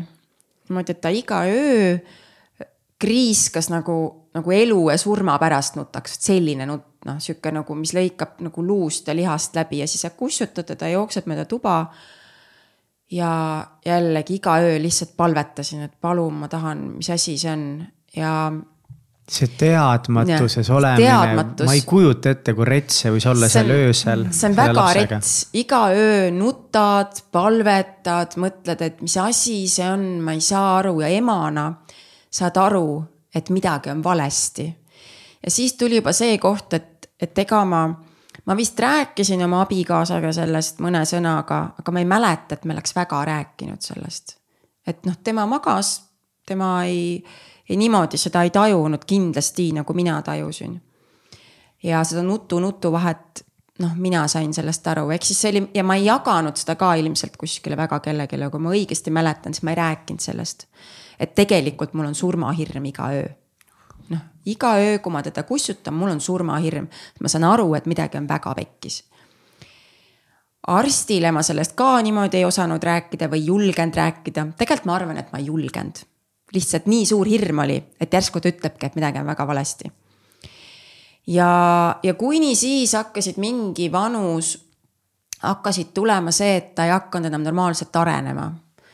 ta ei hakka, ta hakkas kõndima alles siis, kui ta oli poolteist aastat kuskil vana. ehk siis tunduvalt hiljem, kui tavaliselt lapsed hakkavad kõndima ja, ja siis see füüsiline ja ka kõne areng muutus aeglasemaks. siis selleks vanuseks, kui ta juba istus söögitoolis, siis selles vanuseks oli see, et kui ma hommikuti oma lapse voodist välja võtsin, siis ma võtsin voodist välja köögivilja. Lapse, kes ei olnud võimeline ise istuma, kes ei olnud võimeline iseennast hoidma oma kehaga. Ehk siis, kui ma tõstsin ta ülesse, pesin teda, tegin korda, panin ta söögitooli ja ta vajus söögitoolis lihtsalt niimoodi kuidagi üle ääre viltu, sest tal polnud võim, ta polnud võimeline oma keha hoidma. Wow.. aga nendes hommikutel ma olin alati üksinda, sest öö, abikaasa tegeles suuremate laste, tema viis nad lasteaeda ja kooli, kooli tüdruk läks, suurem tüdruk ise, aga tema vist viis lasteaeda siis. et me toimetasime hommikuti, aga ma olin siis üksinda sellel hetkel, kui ta ärkas ja kõik see ärkamise protseduurid. ja ma ei tea, mis nädalavahetuseti oli, mis siis oli, ma ei mäleta, et ma oleks üldse sellest väga rääkinud, et, et midagi on nagu totaalselt valesti aga selles mõttes, kas teised ju ka nägid, et ta areng jäi kinni, kas arstide juures ei me käinud käisime, kogu aeg? me käisime arsti nädal... juures kontrollis, seal oli see, et arst märkas ka, et nagu päris nagu pole midagi mul olid, ma käisin ise füsioterapeudi juures, kuna mul oli väga hea tuttav füsioterapeut, kellega ma olin käinud, kelle juures ma olin käinud varasemalt teiste lastega. siis oli füsioterapeut, kes aitas, vaatas, ütles jaa, et noh, ta märkas mingeid asju. Aga samal ajal ta nägi nagu täiesti terve laps välja, lihtsalt natukene nende jaoks nagu sihukene aeglasem natuke areng. sest see hommikuti köögivili, mis ta oli äh, poole päeva pealt oli täitsa okei okay juba. et siis, kui ta teiste inimestega kokku sai, kui teised koolist tulid, töölt tulid, kui me käisime võimlemas kuskil ringi, siis ta oli täitsa enam-vähem täiesti okei okay laps, lihtsalt natukene nõrgema füüsilise toonusega.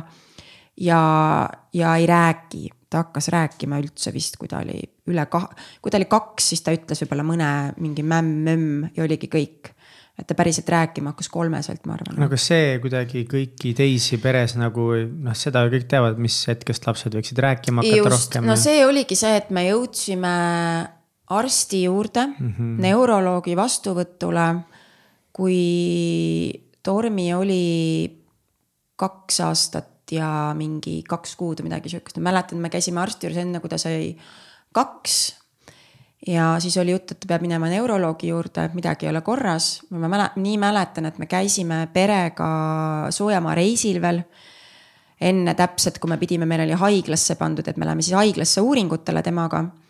ja teeme seda ühe reisi veel ja see reis oli ikkagi väga jube, sellepärast et see lapse konditsioon ja see seisukord, ma sain sellel reisil eriti selgelt aru, et mu laps ei ole terve tagantjärgi ma saan aru sellest, tundub nagu täiesti see ei tundu normaalne, et noh, kuidas see võib olla niimoodi, et ema saab aru, et ta laps ei ole korras, hommikuti ei või ole võimeline istuma isegi. kaheaastane ja ta ei tee mitte midagi, see on võimalik, sellepärast et see ilmselt see šokk ja see kaotus, see surmahirm, mis tuli, oli nii suur, et ma kogu aeg enda poolt hästi pingutasin, tegin kõik asjad, et noh, et kohe-kohe saab korda kohe,, kohe-kohe. kohe ta hakkab rääkima, kohe ta hakkab kõndima. ma käin temaga võimlemas, ma käisin temaga ujumas, ma tegin temaga igasuguseid asju tegin talle kõik toidud, kõige puhtamad, kõige paremad, kõik, kõik, kõik asjad, toidulisandid, noh, kõik, ma andsin maksimumi endast kohe,, kohe-kohe saab korda. nüüd hakkab mm. -hmm. Seda tõde vastu võtta. ja seda tõde vastu võtta, see oli nagu, see oli, see ei olnud võimalik, lihtsalt ma saan tagantjärgi aru sellest. ja ma proovin ennast mitte süüdistada selles liiga palju, et ma kuidagi varem ei reageerinud, oleks ju võinud varem. ja siis me olime haiglas uuringutel neuroloogia osakonnas ja siis, kui me olime seal uuringutel ära olnud, siis seal, seal äh, tehti tal äh, kõige, kõige muu hulgas tehti luuüdiproov. ja siis, äh, siis, kui me olime seal juba mingi aeg olnud, siis ma mäletan seda hetke, kus neuroloog astus äh,, astus palati uksest sisse, vaatas mulle otsa, ütles, et äh,, et äh, minu pojaga on midagi väga kehvasti. noh, ta ei kasutanud neid sõnu, aga see mõte oli see, et midagi on väga-väga valesti. Ja, ja siis võeti talt geeniproov, neuroloog äh, kahtlustas juba midagi ja siis võeti geeniproov. ma ei mäleta, kuidas ta võeti, igatahes ta ütles, et ta võttis selle. ja siis edasi läks vast mööda kuu ja kui ma mäletan jälle väga selgelt seda, kuidas me olime geneetiku kabinetis, oli siis teine arst äh,. geeniproovi tulemusi, vastuseid saamas ja siis, kuidas mulle öeldi. Et minu lapsel on äh, väga haruldane geenirike äh,. selle nimi on GLUT1 puudulikkuse sündroom. tähendab seda, et tal on katki see geen, mis transpordib äh, verest aiu glükoosi ehk siis glükoos on energiaks kasutatav, inimesel on kaks ainevahetust, põhiline on see glükoosi peal ja siis ketoosi peal, nii-öelda lihtsustatult öeldes. ja, ja ta ja tema, selle tulemusena tema aju ei saa energiat piisavas koguses. ja sellest siis tuligi, muidu ma ise arvasin, et, et tal oli see nii-öelda, ma ei tea, kas see on õige sõnastus, aga nii-öelda see hälli surmasündroom see oli ise, mis oli nagu enne spekulatsioon, et lapsed lihtsalt on ju juhtumeid, kus lapsed lihtsalt hommikul ei ärka üles, nad surevad une pealt ära ja täiesti näiliselt terved lapsed. aga ilmselgelt nad ei ole ikkagi päris terved lapsed. Ja, ja seesama asi, kui see oleks une pealt juhtunud, siis teda ei oleks enam. ehk siis äh, tekkis selline energiadefitsiit, et tal kõik äh, funktsioonid lakkavad, kaasa arvatud hingamine. ja see oli see, millest tekkis siis äh, varasemalt see hingamisseiskumine. lihtsalt äh, ajul pole energiat, kütust ja kõik. lülitab välja ennast. lülitab lihtsalt välja ennast ja ongi kõik. ja, ja, ja no see hetk äh, ja siis see oli ikkagi noh, väga-väga irreaalne kogemus. ja siis samal arst rääkis kohe, et selleks on ravi võimalik, noh, teda ei ole võimalik ravida aga seda on võimalik leevendada ketogeense dieediga. ma ei olnud kunagi kuulnud sihukest sõna nagu ketogeenne dieet, ma ei teadnud, mis see tähendab. ehk siis, et läbi toitumise on võimalik, et laps saab siis äh, alternatiivselt rasvadelt põhineval kütusel ketoonide kaudu kätte energiat rohkem, kui siis ta muidu sai, aga mitte täismahus. ja siis arst rääkis pikalt et väga, et rääkiski, et ilmselt minu pojast tuleb natukene sihukene pehme, nõrga toonusega, füüsiliselt mitte väga võimekas. Paksemapoolne, selle haiguse käigus pea ei arene normaalselt välja, aju jääb väikseks. Äh, väärarengud, taandarengud võivad olla alates sellist, sellest versioonist, kus sa põhimõtteliselt ei ole väga liikumisvõimeline kuni siis ma tean, on täiesti enam-vähem täitsa normaalselt funktsioneerivaid inimesi. keegi täpselt ei tea.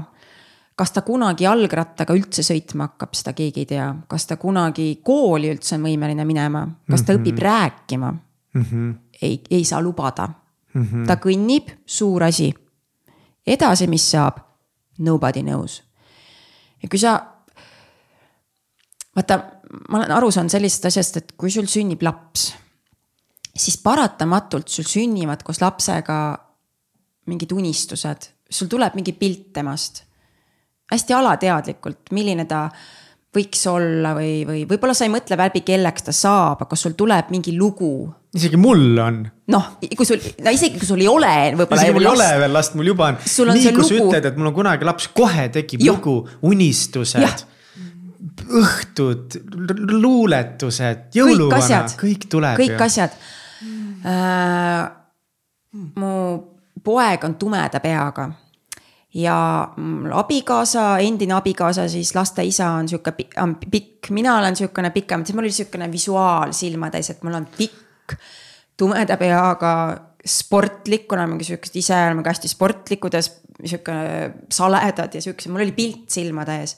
et ma olen hästi sportlik poeg kogu aeg, sihuke hästi ilus, kena, sportlik, tark ka muidugi on ju ja siis keegi ütleb sulle, et, et sul on tegelikult väga haige laps. ja sportlikkust on asi kaugel. jalgratas on maybe. kool on maybe. kõik see, mida sa lõid endale, on võib-olla, kui hästi läheb. ja, ja vot see on koht, kus ei taha mitte kunagi oma elus olla et kogu see unistus ja enne ma ei saanud aru, et mul on see unistus, aga siis ma sain aru, kui see, kui see lihtsalt nagu seesama loss uuesti nüüd teistmoodi lihtsalt kukub kokku niimoodi, babah. ja, ja siis kogu see arusaam elust, kogu see toitumine, kõik see, mis räägiti, et see toitumine on väga, noh, tegelikult ütleme, et see on väga-väga karm lapsele, tervele perele. ta ei saa mitte midagi tavalist süüa enam. aga korra nagu sellesse päeva veel tagasi tulla, et, et kui sa said kogu selle info ette nagu kõik, kõik see süsteem, mis on valesti ja nagu, et mis on kõik nagu, et äkki saab mingi noh, ongi maybe kool, maybe jalgratas. Maybe on kõik pekkis, on ju, et, et ähm, mis sa nagu tol hetkel üldse nagu edasi tegid, mõtlesid ja mis see arutelu nagu mehega oli või, või et. nagu mida sa üldse nagu selles olukorras, tolles päevas, tolles hetkes nagu teed?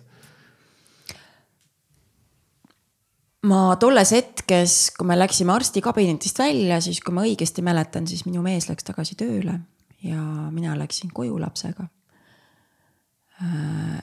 lihtsalt lahistasin nutta. ma ei tea kui palju me sellest rääkisime, mul on mingi koha pealt on täiesti augud. aga ilmselgelt me väga ei rääkinud üldse päriselt mitte kordagi, mis sina tunned, mis mina tunnen. Tema oli ilmselt totaalses šokis omamoodi, ehk siis tõmbas täiesti kaane peale, ühtegi sõna välja ei öelnud. mina enam-vähem midagi sellist, sõpradele, mitte kellelegi ma ei mäleta. ma ei mäleta, kuna ma perele või mida ma ütlesin. ja Aga... miks sa ei rääkinud kellelegi sellest? tead, ma arvan, et see hirm, et kui ma räägin, siis on see päris. Noh, et kui ma räägin sellest välja, et sellega on nüüd nii. see on see, mille pärast ma sellest diagnoosist ja loost oma sõpradele, ma rääkisin väga poole sõnaga. Nendele tundus eemalt, et justkui mul on enam, täitsa tavaline laps. sest kui me olime kuskil peol või kuskil külas, ta oli mul hästi palju süles, ma tegin mingeid asju, nägi välja tore, armas. Keegi ei saanud aru, ma peitsin ära, et tegelikult ta ei liigu normaalselt ja tegelikult ta vahepeal kodus õhtuti kukub põrandale kokku lihtsalt äh, ei võta jalgu alla, see, et ta öösiti nutab ja röögib okei okay,, nad said aru, et ta ei räägi, aga noh, mõned lapsed hakkavadki hiljem rääkima ju. ehk siis ma nagu panin sellele, kus ma ei, ma ei jaganud seda välja, kui tõsine tegelikult olukord on. Sest ma kartsin, et siis on see päris, kui ma ei ütle seda välja, siis järsku see läheb mööda noh, see oli sihuke alateadlik mm, -hmm. ma saan tagantjärgi sellest enamat? aru. ja see ja, ja mingi häbi Mm -hmm. et aga ma tahan olla ju täiuslik ja kujutad ette, ma sain haige lapse. kui suur häbi on saada haige laps, kui sa oled ise, ma midagi tegin ju valesti mm. -hmm. see häbitunne oli väga tugev sinu sees siis? väga tugev. Et, et ju ma ei ole ühtegi suitsu teinud, ma ei ole alkoholi joonud, ma ei ole mitte midagi teinud, kui ma olen rase olnud, ma olen olnud tipp-topp igatpidi püüdlik kõik asjad. ja samal ajal teistpidi üks osa, millest ma ei rääkinud, oli see, et kui ma ootasin oma kolmandat last, siis meil suhtes tulid väga suured probleemid. Ja ma jäin väga-väga haigeks. isegi nii haigeks, et ma olin raseduse lõpuks olin väga raskes kopsupõletikus, et mul isegi arst helistas koju, et kui ma nüüd ei hakka väga kangeid rohte võtma, siis ma lihtsalt suren ära koos lapsega ja siis What? ma nagu, siis ma, ühesõnaga see stress oli nii suur äh,. ma sain aru, et, et me, me ei saa oma suhet toimima. ma mäletan seda hetke, et, et, et et esimese kahe lapsega äh, mul abikaasa läks kohe tööle peale seda, kui lapsed sündisid. Ja mina noh, esi, esimese lapsega see oli hästi suur šokk minu jaoks, ma käin tööl kuni sünnitamise päevani, käisin ise tööl, nii et ma olin päeval tööl ja õhtul läksin sünnitama, ma polnud üldse valmistatud selleks ette, see oli reede õhtu. ja siis esmaspäeval tulin sünnitusmaast koju. mis siis reedel teed, ma lähen sünnitan. kusjuures nii oligi kui täpselt nii oligi ma läksin töölt sünnitama, veel sekretär küsis ka, et no kuule, kas sa sünnitama ei peaks minema, ma ütlesin, ma vist täna lähen. ja siis ma läksingi, esmaspäeval tulin sünnitusmaast koju teisipäeva hommikul mees ärkas üles, hakkas riidesse panema, ma ärkasin ka üles, hakkasin ka riidesse panema, siis ta küsib mu käest, kus sa lähed, ma ütlesin tööle. aa, õigus, laps on siis tuli see, ma sain emaks, ehk siis mul polnud üldse seda ettevalmistust, et noh, jääks koju ja tegeleks, ma olin sihukene, kõik asjad teeme ära, noh lõpuni välja. ja siis ma ei olnud kogenud seda, noh, et oleme kahekesi koos ja, ja kuidagi tema läks tööle, see oli meil läbi rääkimata, et mis siis saab, kui laps sünnib. nii kahju väga kahju. hästi ilus hetk, millal hästi, nagu koos olla. mida on, koos olla. mul on täiega unistus sellest, et kui ma saan oma naisega lapse, et siis.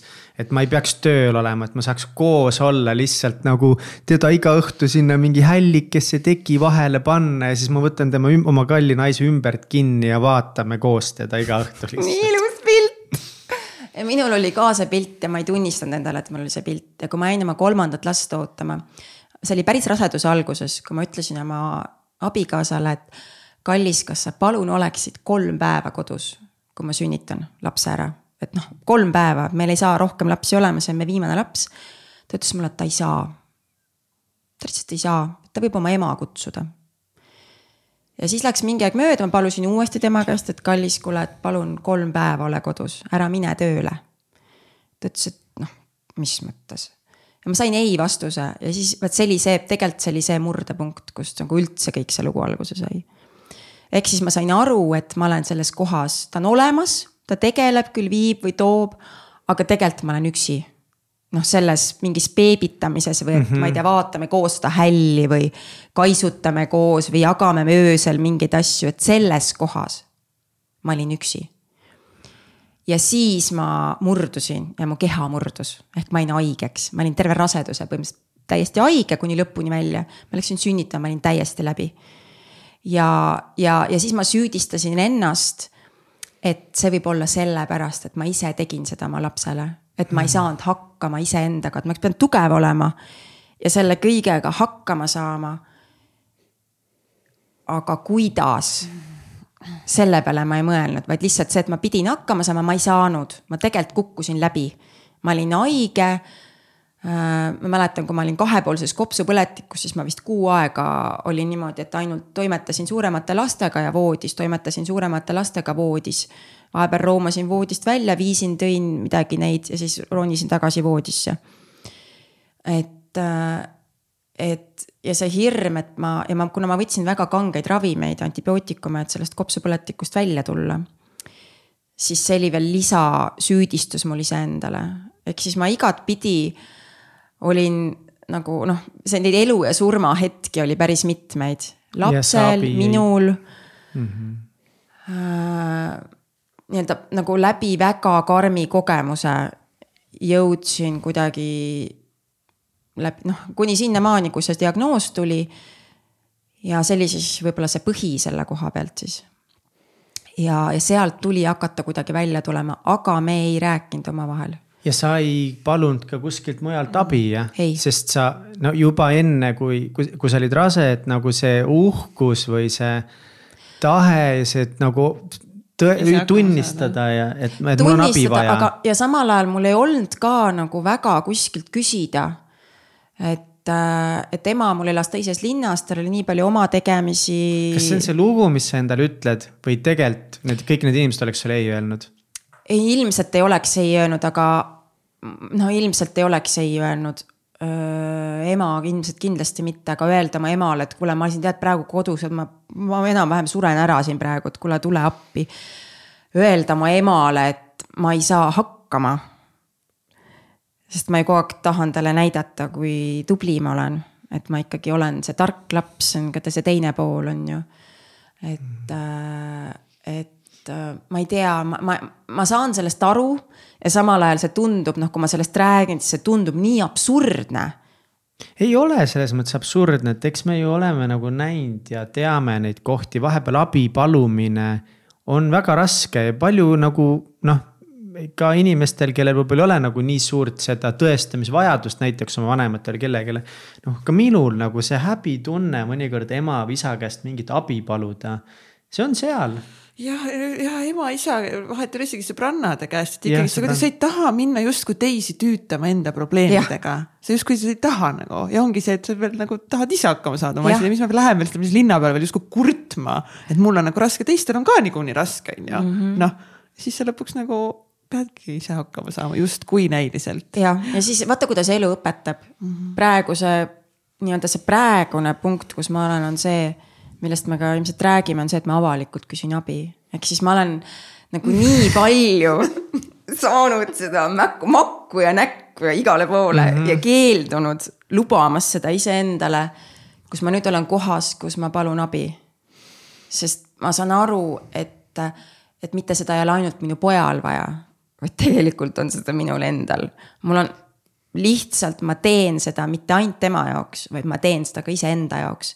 Et alistuda sellesse kohta, et mul on vaja abi ja kui ma küsin seda, siis see ei tähenda seda, et mind oleks kuidagi vähem või ma mm -hmm. oleks väärtusetum. või, või minuga on midagi halvasti, et sellest häbitundest ja sellest, mis teised arvavad. ja seal on seal on ikkagi ka see osa, et sa käid, vaatad neid teisi lapsi, kes on sama vanad ja, ja vaatad, et oo, minu laps juba teeb seda ja minu laps juba teeb seda ja kellel kõik on nii toredad ja nii andekad lapsed. ja siis see on see, et aga, aga minu laps on kaks, ta ei ütle ühtegi sõna. kuidas ma siis ütlen, kõik teised kiidavad ja jällegi ma saan sellest aru, aga ometi see on midagi, mis ikkagi kuskil sügaval sisimas et kuulge, teate, et minu laps ei räägi, minu laps ei tee seda ja ma olen fucking mures selle pärast. tegelikult ma nutan iga öösel, kui ma magama jään. ja ma ei, tegelikult ei julge teile mitte kellelegi seda öelda, sest järsku te arvate siis, et ma ei olegi nii äge. ja, ja see on nüüd siis nagu lihtsustatult ja võib-olla pool naljaga, aga tegelikult väga tõega välja öeldud see tunne seal taga mm. -hmm. ja, ja ilmselt selles kohas ongi mitu varianti, mida siis teha, näiteks seesama diagnoosi saamise hetk, siis on väga palju viise, mis sa siis teed. ja mina otsustasin, et mina olen, ma saan, I can do it, et ma leian viisi, ükskõik, mis see on, kuidas ma selle minu, see minu unistus või see minu ettekujutus sellest minu lapsest see tuli, see ei tulnud üleöö. Äh, see teadmine või see tunne minus, et, et aga tegelikult ma tahan seda muuta. seda juttu, mis mulle öeldi, et ma tahan, et see ei lähe niimoodi. et ma otsustan ja valin, et olgu, mis on, temaga saab kõik korda. ma ei tea, kuidas, mul pole õrna aimugi aga see saab niimoodi ja see on see mitte see, et see ei ole mitte see toores tahe, et ma teen, vaid see on mingi sisemine sügav usk lihtsalt ma, lihtsalt ma otsustan praegu, et nüüd on nii. kuigi kõigi, kõik asjad ütlevad mulle, et see ei ole üldse võimalik. no see geene ei saa muuta ju. Meil ei ole mingit sihukest geeni, kuigi on geeniravi maailmas olemas. ma olen sellest ka aru saanud ja väga efektiivsel moel on, aga mitte sellisel kujul ei ole see mulle kättesaadav minu lapsele. ja, ja sealt see kuidagi jah, ja kui see diagnoos tuli, siis mu laps oli kaks, peaaegu kaks pool ja kui ta oli neli, siis me lahutasime. ehk siis me puudus oskus üldse omavahel nendest asjadest rääkida. Mina tegin oma asju, mina tegelesin siis lisaks suurematele lastele, muudele asjadele tegelesin selle getotoitumisega, ma pidin oma nullist täiesti selgeks tegema.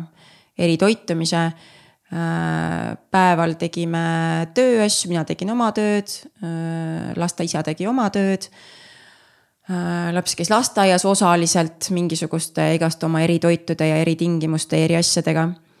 ja siis õhtuti tema istus, vaatas telekat niimoodi, et ühtegi sõna ei istunud, tema põgenes oma maailma, mina põgenesin kööki. et ta ikkagi põgenes selles mõttes, see oli põgenemine, see oli kaitsemehhanism. jah, just mm, -hmm. mina olin okay. köögis kuskil ühe-kaheni keskmiselt, tema istus kolme-neljani seal. omavahelist kommunikatsiooni meil ei olnud, sest kumbki ei osanud või mina proovisin rääkida sellest ja, ja, ja sellest kuidagi leida seda viisi, kuidas rääkida. Aga ei tulnud hästi kuidagi, meil ei saanud selle rääkimise klappima ja nii see läks. ja, ja see on see, noh, sellest räägitakse ka väga palju, et kui on kriisid peres, siis see kriisidega on kaks varianti. kas suhe läheb tugevamaks või ta laguneb täiesti mhm. -huh. laiali. ja selleks, et ta läheks tugevamaks, on ainult ühte asja vaja, rääkimine. et sa räägid seda, mida sa tunned. ma ei mäleta kordagi, et me oleks rääkinud omavahel, et mina oleks rääkinud, mida ma päriselt tunnen või seda, et mul on surmahirm iga päev. totaalselt paanika minu sees, sest ma näen rohkem, ma saan aru, mis lapsega toimub, kui nad kokku õhtuti kukub kuskil jala pealt lihtsalt hakkab tõmblema kuskil äh, köögipõrandal. ma lihtsalt lähen teise ruumi, lihtsalt tahaks röökida, sest hirm on nii suur. aga omavahel vestlust, et kuule, mis sina, mis sa tunned või kuidas me saaks üksteisele toe, toeks olla, seda poolt ei olnud. Ja kuna oli kolm last kokku, siis aur lihtsalt läheb ära igasuguste toimetamiste peale. nii et äh, ma mäletan, kui mu mõned aastad tagasi ma käisin äh, rahvusvahelisel konverentsil, kus siis äh, oli selle, tegemist on hästi haruldase haigusega, siis oligi rahvusvaheline konverents, kus üle maailma olid siis kõik tipparstid ja kõik asjad koos. seal oli vist veel mingid haigused olid veel juures. ja siis äh, ma nii mäletan ühe, ühe Äh, sellesama diagnoosiga lapse vanema õe ettekannet, seal olid arstid tegid ettekandeid, vanemad tegid ettekandeid. ja siis oli üks äh, haige lapse õde, kes tegi ettekannet. ja selle ettekande ajal ma lihtsalt, lihtsalt istusin ja nutsin ja hoidsin küüni toolis sees, mõtlesin nagu täiesti, mida, mida ma selle koha pealt teen. ehk siis ma varem ka ei, ei lubanud isegi nagu väga sügavale minna sinna, et mida siis äh, õed tunnevad, mida nemad üle elavad, kogu seda pulli kõrvalt vaadates. et me ei saa kuskil jäätist söömas käia, me ei saa kuskil normaalselt käia, kogu aeg on mingi värk, vennaga on mingi jama. siis on mingid haiglad, kiirabid käivad vilkuritega mingite aegade tagant, siis on jälle emme vennaga haiglas äh, tütar helistab mulle, nutab toru otsas, emme, kas venna sureb ära, palun tule koju noh, mingid sellised noh, sai lihtsalt, seda on nii palju. noh, kuidas ma siis, ma olen seal haiglas selle väikse lapsega, siis ma kodus, teised on täiesti katki, neil on paanika, nad ei oska ennast väljendada.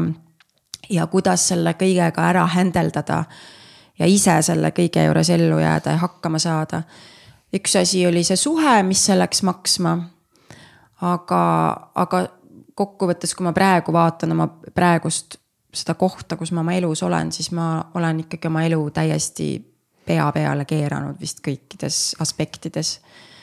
sest, sest see on nagu see õppetund on see, et, et mul ei olegi nagu teist varianti, kui lihtsalt elada iseenda järgi ja iseenda elu. teha neid otsuseid niimoodi, et ma pean tunnistama, et ilmselt lapsed on esikohal minu ees siiamaani, kuigi vist oleks nagu noh, terapeudina oleks juba tark öelda, on ju, et noh, mina olen minu jaoks kõige tähtsam. ja ma olen, aga ilmselt ma ei ole kõige tähtsam ikka veel ja see on okei okay., ma lihtsalt märkan neid kohti, aga mingites kohtades ma panen juba ennast ka esikohale mm. -hmm. ma valin asju, mida mina tahan valida, ma teen asju, mida mina tahan teha.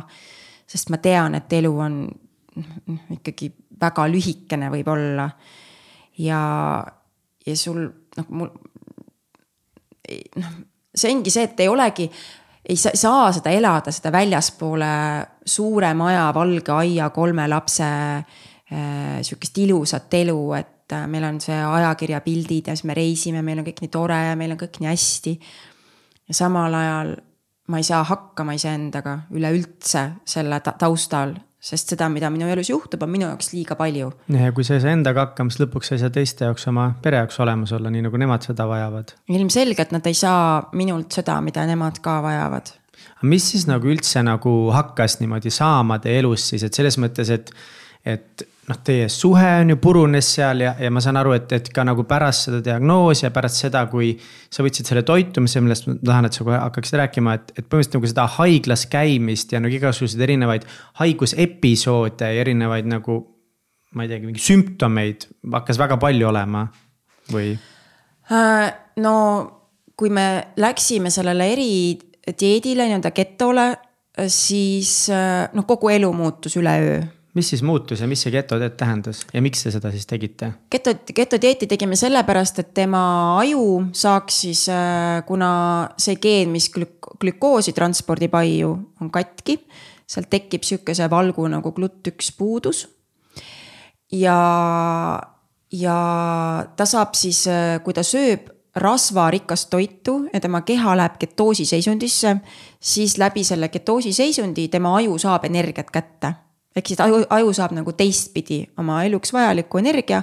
väidetavalt umbes kuskil seitsekümmend protsenti vajaminevast energiast saab kätte. ja mis sellest kolmekümne protsendist kannatab, keegi ei tea, seepärast et aju on sihuke, see ei ole, see ei ole sihuke diagnoos, et kui sul on see haigus, siis sul on see, see, see.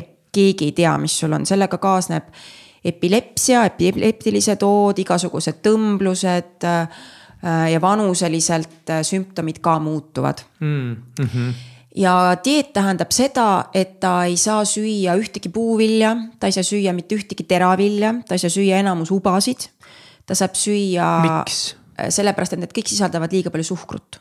ja, ja miks ta ei saa siis liiga palju suhkrut süüa? sellepärast, et ta, eh, see on, kui sa sööd eh, teatud piirist vähem suhkruid, siis su keha läheb üle ketoosi seisundisse, näiteks kui Äh, inimese keha läheb, hakkab ketoosi seisundis minema siis, kui sa kuskil kaheksa, kümme, kaksteist tundi ei söö midagi, siis vaikselt hakkab sinu äh, vereringest glükoos otsa saama. Äh, ja siis minnakse glükoosi järgi lihastesse ja niimoodi glükoos võetakse sinu kehast välja ja kui glükoos. kuskilt varudest kõigepealt ja. ja siis hiljem lihastest vist. just nagu,, just mm -hmm. ja siis, kui see on otsas, siis läheb äh, energiaks läheb äh, rasv ehk siis rasvarakkudest võetakse kasutusele varud. ja kui sa nüüd sööd toitu, kus on piisavalt palju süsivesikuid, siis automaatselt läheb uuesti süsivesikute energiavahetusele. kui sa nüüd sööd kogu aeg piisavalt vähe süsivesikuid äh,, hästi rasvarohket toitu, siis jääbki kogu aeg ainevahetus äh, rasva peale, ehk siis ketoosi seisund lihtsamalt äh, seletades ja öeldes mm. -hmm. ja kui tema sööb suhkrut, siis see ketoosi seisund läheb, lõpeb ära ja tema, aga sellest tavaolekust tema keha ei saa, aju saa. ei saa energiat ja on kohe pekkis. kohe on pekkis, ehk siis meil on olnud päris mitmeid kordi, kus me oleme haiglas tilgutite all või kodus laps. ta nii-öelda, tal tekivad äh, väga hullud tõmblused ja kuni sinnamaani, et äh, tal saab energia niimoodi otsa, et ta ei jõua neelata, tal hakkab hingamist, hingamine muutub ja siukseks, ta ei jõua hingata ka enam ehk siis lihtsalt äh, pistik tõmmatakse seinast välja ja see käib päris kiiresti. päris äkiline protsess mm -hmm. nagu jah. päris kiiresti juhtub see. Ja, ja nüüd, kui ta tegemist on väikse lapsega, ta ei saa aru. ehk siis ühtegi kommi, ühtegi küpsist, ühtegi puuvilja, ühtegi asja ei tohi kodus nähtaval olla ja veel on kaks last, kes on tavatoidu, toidu peal iga kolmas lause, mida ma siiamaani olen oma poja elus, ta on praegu kaheksa, öelnud talle, sa ei tohi seda võtta. kujutad ette nüüd, sa ütled oma iga päev oma lapsele kümneid, kümneid kordi, sa ei tohi seda võtta, sa ei tohi seda süüa. Et siis ta läheb salaja, sööb mingeid asju, mingid episoodid juhtuvad, kus ma saan aru, et okei okay,, nüüd on täiesti fucked up, otse haiglasse rohtu talle anda ei saa, talle saab panna tilguti külge. ehk siis äh, läbi soolalahuse lihtsalt loputada kiiremini see süsteemist välja, natukene toetada elundeid, et nad ei lõpetaks funktsioneerimist ära. ja põhimõtteliselt ongi kõik, mitte midagi teha ei saa. ja ma olen äh,, ma pean tunnistama, et nii mõnigi kord ma olen reaalselt karjunud oma lapse peale, sa sured ära, kui sa seda veel teed, sest see on tõsi aga ma. sest su, su enda see hirm ja paanika no,, valu on nii, nii suur. see on nii suur ja siis ma lihtsalt tõstan häält ja, ja ütlen oma lapsele, et sa sured, kas sa ei saa aru, et sa sured ära, kui sa seda teed. ta ei saa aru ja, ja see muidugi ei ole õige viis, mida teha, aga lihtsalt need on need kohad, kus ma olen jõudnud. Need punktid, kus mul on nagu nii suur surmahirm. et jälle see juhtus, et kas ta nüüd saab mingi ajukahjustuse sellest, kas ta elab selle üle mis tal tuleb selle järel. et, et see ketoosi taastumine võtab jälle aega, mõned päevad. et see taastuks, sinnamaani on see, et ta ei suuda, hommikud on selle seisundiga alati kõige hullemad, et hommikuti on kõige kehvem olla ja siis päeva lõpuks äh, kuidagi jälle taastub see. enesetunne järgmine hommik on jälle kehva, jälle taastub ja niimoodi see vaikselt läheb hommikuti hoiad, hoian oma last kuskil, ma ei tea, kraanikausi ääres, hoian tal hambaharja käes, sest tal kukub see käest maha, ta ei ole võimeline seda ise käes hoidma. või ta kukub hästi palju, ta saab hästi palju traumasid ja mingid siuksed asjad või ei püsi üldse püsti, kui ta päris kehva olla on. Ja see on see nii-öelda igapäev, kui ta käib tavalises lasteaias, nüüd ta käib väikses erakoolis. ma teen talle kõik söögid kaasa, kõik selleks korraks mm, -hmm. kui sa ta kodust lähed kuskile välja sa pead kõik asjad kaasa tegema, oma leivad, oma mm -hmm. näksid, oma magustoidud, kõik. aga korra peatan sind siin, lähme korra veits veel tagasi, et kui te läksite selle nagu ketoosise peale, see tähendas, et ühesõnaga üleöö teil kõik muutus, sinust pidi saama nagu võimalikult kiiresti eh, ekspert no, yeah kõik selle kohta teada saada enam-vähem, mhm. üleüldse ma kujutan ette nagu keha toimimine, eriti ainevahetuse osas, nagu sa pidid saama väga kiiresti eksperdiks ja, aga kuidas sul, kas sa pidid ka nagu oma nii-öelda lastele veits nagu rohkem noh, mingis osas sa seletasid seda või. või kuidas see nagu igapäevaelu kodus nagu hakkas kujunema, et kui kiiresti nagu teised said aru, miks see niimoodi on ja, ja kas nad nagu toetasid, said aru kuidagi ja, et kodus peidame kõik kommid ära või et jooksid kommidega ringi ja aa, sina ei saa või et kuidas see nagu kodus teil välja hakkas nägema hmm.? ma ütleks seda, et toitumisega ma olin varem ka kursis, kuna ma olin toitumisega, mulle meeldis kokata ja toitumine oli midagi, millega ma olin igasuguste gluteeni ja kaseiini ja muude asjadega tänu enda mingitele probleemidele, ma olin tuttav, ehk siis see toidumaailm, ka mingisugused kitsendused olid juba midagi, kus ma olin olnud ja ma juba teadsin, mida tähendab eridu kokkamine, aga mitte muidugi sellisel kujul mm. -hmm teiste lastega, ma kohe mõtlen, kui vanad nad siis olid, nad olid, tüdrukud olid kuskil äh, seitse ja mingisugune üksteist või midagi sihukest, seitse, seitse ja kümme või midagi sihukest, nad olid ikkagi lapsed mm. -hmm. Nad said aru justkui, aga tegelikult, kuidas sa seletad neile, et me nüüd ei saa, me ei saa näiteks, me läheme kuskile linna peale, suvel me ei saa jäätist osta.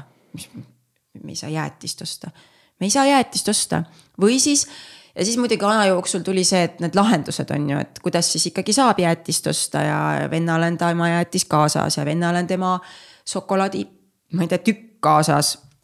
Äh, vennal on see asi kaasas, siis me saame minna. Ähm, kõik sellised mingid reisid või mingid väljasõidud või eksprompt kuskil käimised me ei saa, seepärast et sinna ei ole vennale võimalik seda kaasa võtta selline väga, no väga intensiivne koht, kus olla, et ühtpidi sa pead oma siis puudega lapse vajaduse katma ja samal ajal sul on kaks täiesti tervet last, kes on väärt täiesti terve lapse elu. jah, et see on see nagu see nagu tunned emana seda valu igalt poolt. me saime selle tööle. teist varianti ei olnud nagu ma olen see, minu see tublidus tuli selles kohas kasuks mm. -hmm. ma koolitasin ennast, lugesin äh, väga mõn-, arvestatavalt lühikese ajaga ma juba jagasin matsu. Äh, nüüdseks ma olen geto koha pealt äh, ikkagi väga teadlik äh,. nii et äh, et see, et see kõik, kuidas inimese keha toimib, kuidas aju toimib, ainevahetus äh,, see on, see ei ole nagu ainult see toitumine, see on palju laiem pilt. et kuidas üldse äh, seda tervikut nii-öelda koos hoida, sest kui see geto on ähm, kakskümmend neli seitse ja ta on igapäevane ja kasvaval, areneval lapsel, siis seal on nii palju nüansse, mida lühiajaliselt kaalu langetamisel, kui sa getot teed, millega sa ei arvesta. ja mida mina olen selle aja jooksul, nüüd on siis kuus aastat mu laps geto peal olnud ma olen ikkagi läbi praktika ja kogemuse väga palju asju saanud aru, kuidas keha mingis kohas toimib, kuidas ta töötab äh,. ei saa ainult liha süüa, ei saa loomse rasva peal olla, sest keto peab ikkagi arvestatavalt taimne olema. kõik, mis on seal lisandid vaja, kuidas keha aluselisena hoida sest kui sa oled vahepeal getot teed, siis inimesed, see on see teadmine, et sa saad hästi lihaseliseks, hästi vormi ja lähed saledaks hästi palju ka paljud räägivad, et nagu hästi sihuke mental clarity tuleb, et hästi selgus. selgus, see tuleb hästi... ja see udupea, see ära, kaob ära aga kui sa oled äh, kakskümmend, kui sa oled ainult sada protsenti ketos mm, -hmm. siis äh, lihastoonus läheb nõrgaks, sest lihased vajavad glükoosi. ja nüüd on nüüd see, et kuidas ma siis selle ja minu laps peab olema veel terapeutilises ketos ehk ta peab olema sügavas ketos. talle ei piisa äh, lihtsalt sellest nutritional ketost mm. -hmm hästi palju nüansse, mis tulevad, on tulnud nagu selle katse-eksituse meetodil, et kuidas ma siis saan ta toimima. siis alguses tal hakkasid tohutud jalakrambid, meeletud jalavalud, käisime mööda arste, keegi midagi aru ei saa jälle, noh, ma saangi, ma pean ise välja mõtlema selle lahenduse. sain aru, et ta tegelikult vist on kehaappeline sellest getost, siis hakkasin teda, kuidas keha alu, aluseliseks teha, kuidas talle õiget vett juua anda. kuidas ta peab jooma, mis asju ta peab tegema. Äh, ja, ja kuidagi niimoodi lihtsalt läbi selle valu, kannatuse ja teistpidi siis selle loomingulisuse ja katse-eksitusmeetodi on tulnud lahendused erinevatele küsimustele. siis äh, kui ta sai diagnoosi, siis talle määrati äh, raske puue ja me saime rehabilitatsiooniplaani ja millega me siis saime rehabilitatsiooniteenused. et ma siis hakkasin iganädalaselt käima terapeutide juures. oligi meil kaks terapeutide päeva, kus me lihtsalt väntasime lapsega. nüüd siis siiamaani tegevusterapeudid, eripedagoogid, logopeedid, füsioterapeudid. kuidas sa ise nagu naisena ja inimesena nagu selle perioodiga toime tulid, et me olemegi jõudnud nüüd sellesse kohta, kus hakkas nagu Eh, sinu lahenduste periood, et sa hakkasid õppima ja lahendusi otsima ja nagu intensiivselt töötama äh, tormiga, et täita siis see uskumus, mis sul on, et see ei saa olema teie tulevik, et tal ei ole üldse mingit tulevikku. et, et kuidas sa nagu, mulle tundub sind kuulates, et sinu elu keerleski ainult ümber selle, et kas sinna mahtus midagi muud või, või kas sa ikkagi kas see hirm vähenes või, või kas sa kuidagi endaga õppisid pehmem olema või, või kuidas see pool üldse kõik oli mm,? no see endaga pehmem olemise pool, ma arvan, alles praegu tulnud, et, äh, et siis ma. süüdistasid edasi ennast? ikka alateadlikult pigem, aga, aga kuidagi see maailm peegeldas, vaata öeldakse ka, et terapeudiks hakkab see, kes vajab ise terapeuti, see on ka see põhjus kogu selle, selle tulemusena minust sai mingi hetk terapeut, siis ma vahetasin, äh, lõpetasin selle reklaamiturundustöö ära, siis ma hakkasin fotograafiks. tegelesin sellega, hakkasin nii-öelda ise oma, mul oli paindlik töögraafik. ja mis see, mis see võib-olla see võti või lahendus, kui ma koondan, mis mind aitas, mind on alati huvitanud äh, sihuke nii-öelda ka siis holistilisem pool ma õppisin igasuguseid äh,, hakkasin õppima loodusterapeutiks, siis ma hakkasin igasuguseid selliseid asju õppima. ja ma sain aru, et, äh, et seal ei ole teist võimalust, kui ma leian üles selle äh, mingisuguse seletuse või põhjenduse sellele, et, et need asjad ei juhtu niisama. lihtsalt niimoodi lambist näed äh,, jumal andis või jumal võttis et see, see ei ole niimoodi, et lihtsalt keegi tuleb, annab mulle midagi või keegi tuleb, võtab mult midagi ja mina lihtsalt olen siis kas ohver või siis mina olen siis õnnelik või. et seal peab olema midagi, mingi põhjus peab seal olema, miks need asjad minuga juhtuvad. seal peab olema midagi muud ja kui ma hakkasin seda midagi muud otsima, siis sealt tuligi hakkas see kasvamise teekond, et kuidas ma nüüd e-, ellu jään selles kohas, et ma tahan, et mul oleks parem. ja, ja, ja see hetk, kus sul on see laps laps ja see lahutus, kogu see maailm, kõik su elu, kõik, kõik konstruktsioonid sellisel kujul, nagu ma olin ehitanud. kukkusid kokku, ma kukutasin neid kokku, kõik asjad juhtusid korraga.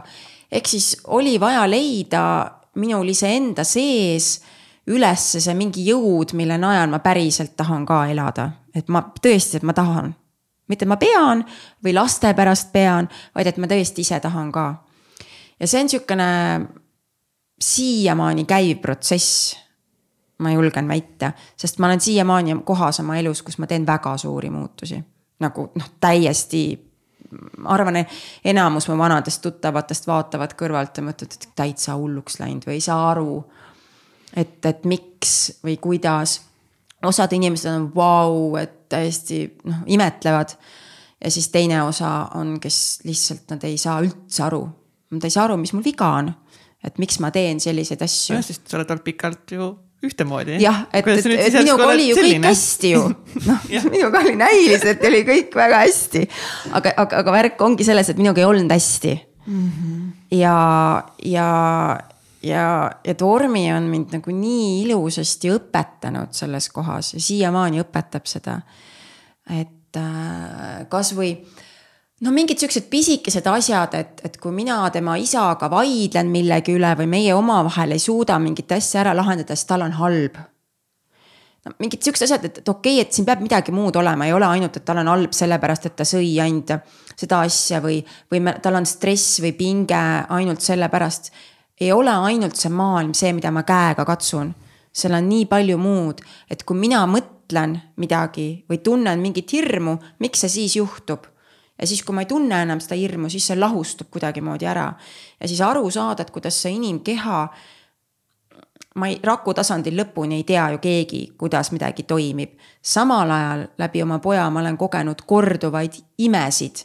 ehk siis, kus mingid asjad praeguses seisundis, kus ta on, siis arstid ütlevad praegu tema kohta põhimõtteliselt ime me käime korra aastas ühe arsti juures, korra aastas teise arsti juures nagu check-up'i tegemas, vahepeal suhtleme jooksvalt, kui vaja on. kui me, ma ei tea, oleme haiglas käinud ja midagi juhtunud on, siis oleme suhelnud. aga, aga ta on väga heas kohas iseenesest võrreldes mis sellega. see tähendab seda, et ta käib tavalises koolis. ta saab seal, see, see, see koht, kus ta läks eelmine sügis, nüüd ta läheb teise klassi kohe.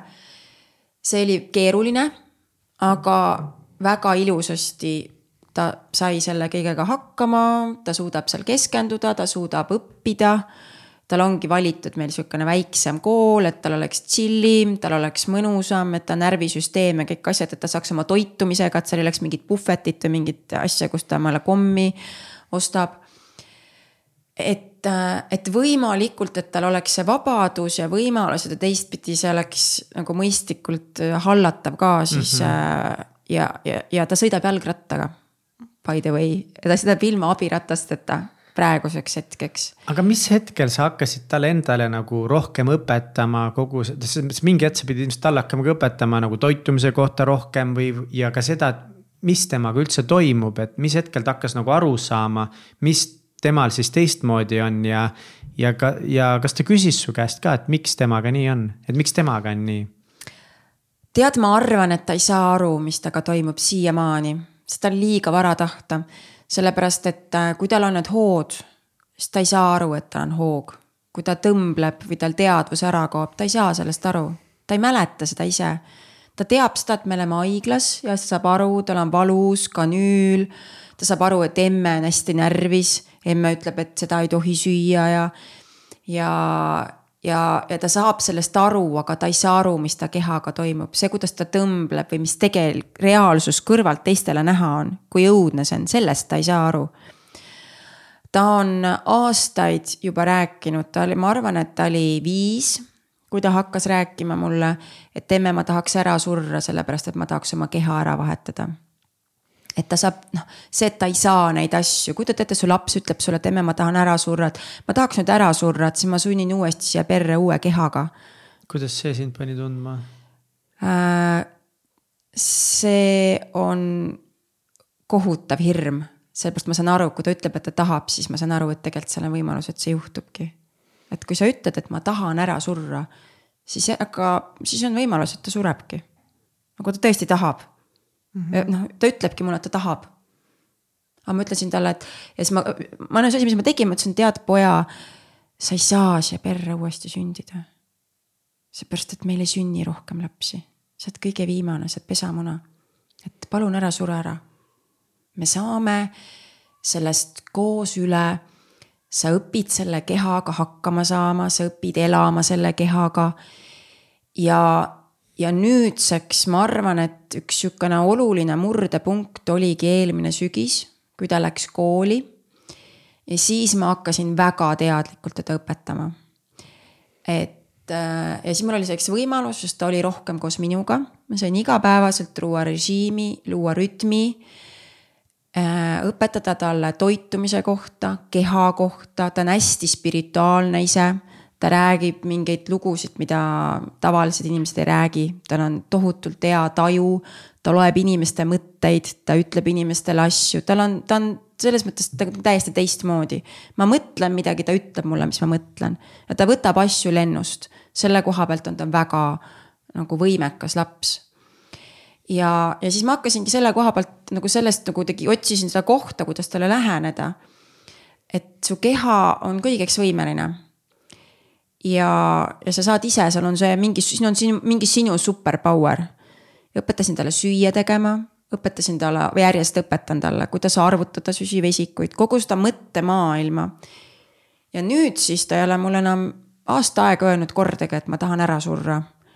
vaid nüüd ta siis on selles esimeses klassis ma olen saanud mitmelt lapsevanemalt äh, kõnesid ja kirju, et Tormi õpetab koolis lastele tervislikku toitumist. ja on siis lapsed, kes ühtegi köögivilja pole söönud, on õpetanud köögivilju sööma, emad helistavad mulle, Tormi oli õpetanud seda brookoli värki, et laps tahab brookolit süüa. ja, ja, ja see töötab ja lapsed, teda õpetab, kaheksa aastane laps õpetab teisi lapsi sööma et kuule, et see proovi seda või kuule, see on tervislik, et kui sa seda väga palju sööd, et arvesta, sa lõhud oma keha lihtsalt, et miks sa peaks tegema seda. ja nüüd siis see suvi juhtusid sellised asjad, kus me, kus oli paar korda, ma ikka vahest, ma olen muidu hästi nagu tervislikult söön, aga ma luban endale aeg-ajalt ikka mingeid häid asju, et ma ei keela endale lõpuni kõike. ja siis sõin mingit jäätist ja siis Tormi vaatab mulle otsa emme, oled sa kindel, et see on hea sulle või? ma nagu, kes nüüd räägib et kas see on ikka hea sulle? kolm aastat tagasi ta sõi salaja kuskilt kapist mingi suhkru kuskilt... ja suri peaaegu ära. jah, just täpselt. täiesti. täiesti pöörane. täiesti pöörane värk ja, ja siis, ja siis me jõuame kohe ka selle, selle minu abi küsimiseni ja, ja selle hapnikukambri asjani ja kui ta nüüd sai aru, ma rääkisin talle, et on üks veel üks asi, mis aitab sul seda ketoosi hoida. ja, ja võib aidata, aga me ei tea, kuna see on täiesti pilootprojekt terves maailmas selle diagnoosiga, see ravi, see on see koht, mida ma pean tunnistama, see on täielik pilootprojekt ja inimkatse. Äh, et äh, on suur tõenäosus, et sa saad sellest abi. ja siis Tormi ütles mulle selle peale, et aga kas ma ei pea siis enam getos olema või? ma ei taha getot ära lõpetada kas kujutad ette või? ja ma olin nagu, mida? ja siis ma ütlesin, et ei, Tormi, et sa ei pea getot ära lõpetama, et sa võid mida iganes süüa, et sinu keha on hoopis teistsugune kui keskmise tavalise inimese keha, ma ei tea üldse, mis sust saab, mis mingi hüper, ma ei tea, mis iganes superman sust kunagi saab. sest keegi ei tea, sihukeseid näiteid või asju ei ole väga palju. et kes on ainult kasvanud üles põhimõtteliselt täiesti. täiesti nagu süga, sügavas, ketoosis. sügavas ketoosis, terapeutilises ketoosis, põhimõtteliselt wow. lapsest peale. ma ei tea kuidas üldse, aga kui sa juba praegu ütled, et sa ei taha seda muuta, ilmselgelt sul on seda ketoosi vaja ja sa ei pea seda, ma ütlesingi, et poja, sa ei pea seda muutma mm. -hmm. lihtsalt sul tekib ilmselt võimalus vahepeal rohkem ketoosi lõdvemaks lasta. selles mõttes, et ta normaalselt nagu nii-öelda noh, jutumärkides normaalselt sööma hakka, hakata ei saa kunagi. ei, ei. -hmm. et ta Liit... peab seda ketoosi jälgima. ta peab ketoosi jälgima, lihtsalt sellest ma olen aru saanud, et tal on vaja olla äh, tugevas terapeutilises ketoosis kuni täiskasvanuks saamiseni. ja siis, kui ta on täiskasvanud ja ta aju enam ei arene, siis tal on võimalik seda natukene võib-olla õdvemaks lasta mm., ehk siis olla niimoodi, et see ketoos ei pea olema nii range. praegu peab see olema ikka päris kange meil ja et siis ta võib nagu lõdvendada seda.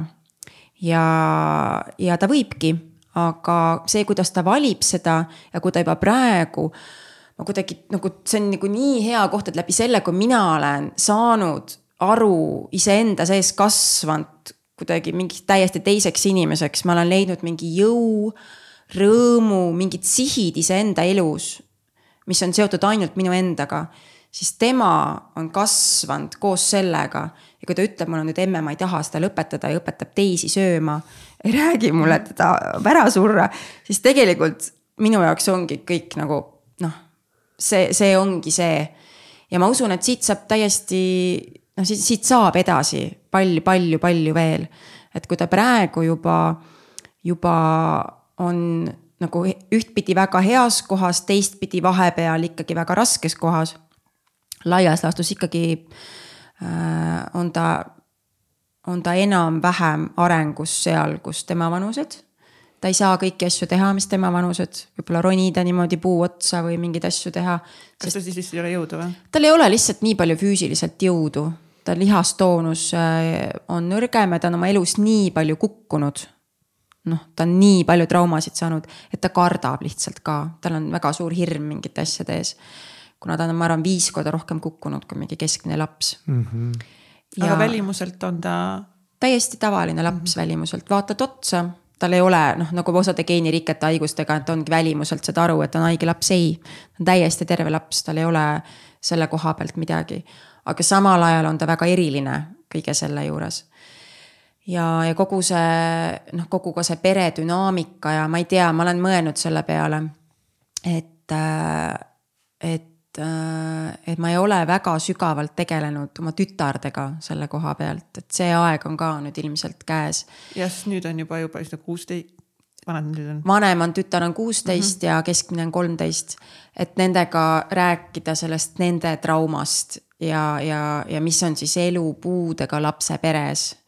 Ma, mina ei tea seda, ma ei ole kunagi mm -hmm. olnud selles kohas. aga ikkagi see, nemad on ka ju tundnud hirmu ja, ja, ja nad on pidanud arvestama kellegi teisega hoopis teistsugusel kujul ja nad ei mhm. väljenda muidugi seda, lapsed ei väljenda ju seda, et mm -hmm. ma kardan, et venna sureb ära või midagi sihukest aga. mingi tähelepanu puudus ka samas mingis osas või? kindlasti, aga aga ma mäletan seda, et keskmine tütar on mul palju-palju aastaid iga aasta jõuluvanale kirjutanud, et tema kõige suurem soov on, et tema venna saaks terveks. või et ta venna saaks süüa. noh, mina emana hakkan nutma selles kohas, et kui, kuidas saab olla, et ühe lapse kõige suurem soov on see, et tema venna saaks süüa jäätist. nagu halloo, see ei ole ju normaalne lapse soov, et lapse soov peaks olema see, et et ma ei tea, ma saan talle, kuna enne seda tal oli see soov, et ta saab võluvõimed või ma ei tea, poni endale või mingi uue barbi. Et äh, aga teistpidi, teistpidi see on nagu normaalsus ja väga paljude inimeste elus ilmselgelt, et, et meil on see noh, ikkagi see mingi unistus või uskumus, et kuidas peaks olema või kuidas, et siis on hästi äh,. hästi võib olla igasugusel juhul, see seal on, sellel hästil on väga palju varjundeid. kas tänaseks päevaks siis juba inimesed sinu ümber on teadlikud sellest, mis teekonna sa oled läbinud ja läbimas veel?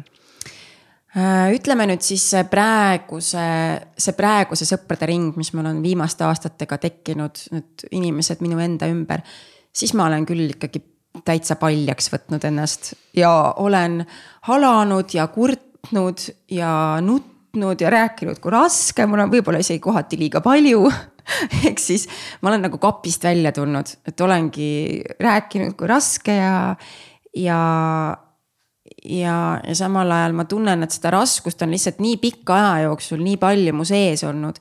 ja see on ka see põhjus, miks ma üldse ilmselt rohkem rääkima olen hakanud. ka tööalaselt olen, olen tulnud nii-öelda nähtavaks julgen, see on nii-öelda õpetanud mind julgema olla mina ise. ja ma siiamaani tervenen ühest väga raskest haigusest, ma ei ole sellest veel terveks saanud.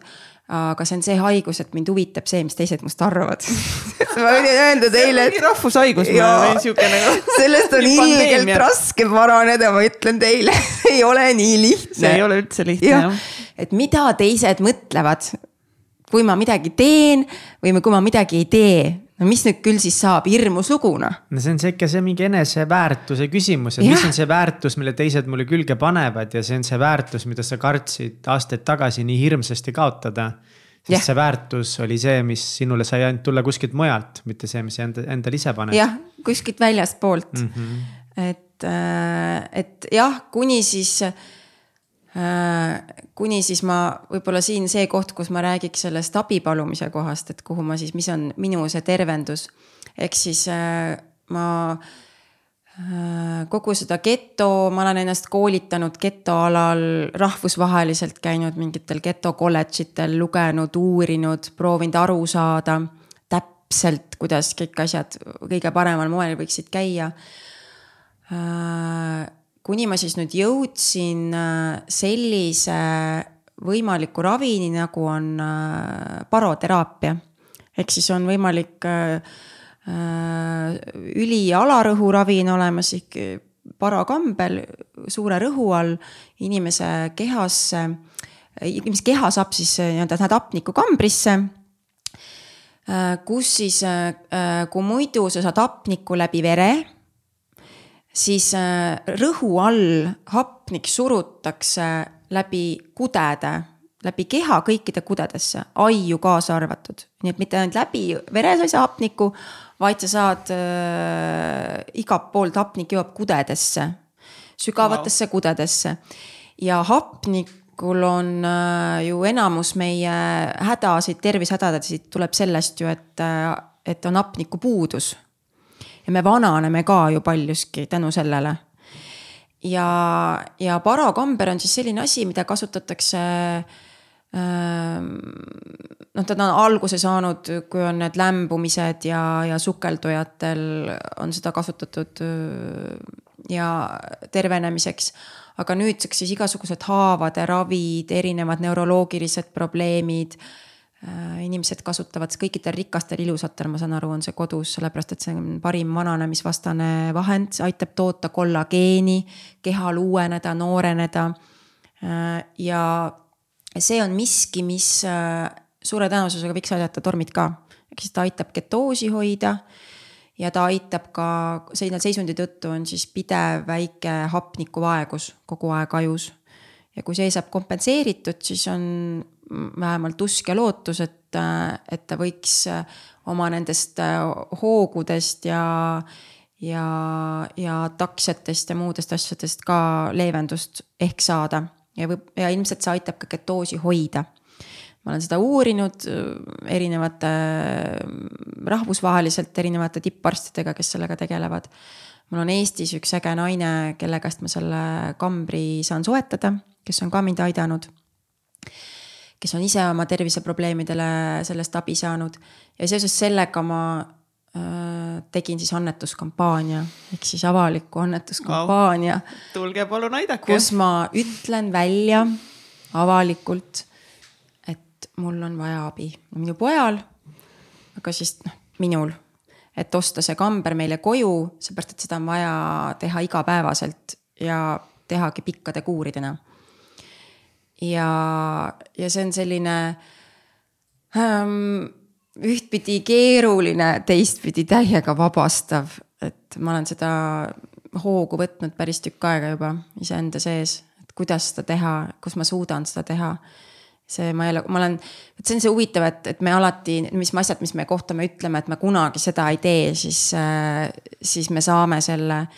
Ja ma ei ole kunagi ühelegi abipalujale halvasti vaadanud, mitte kunagi, aga ma olen alati mõelnud, et mina ei suudaks elu sees. mul on mingi sama, ma olen ka mõelnud selle peale, et ma arvan, et no mina ei teeks seda. mina nagu. ei teeks mm -mm. seda nagu mm -mm. päriselt ka ja nüüd on koht, kus ma teen seda seepärast, et, et see tundub, et see on nagu kõige parem lahendus kõikide nende asjade juures, kui ma ei küsi seda abi.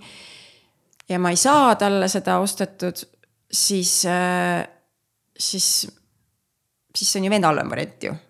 Palju see maksab? see maksab seitse pool tuhat. päris palju.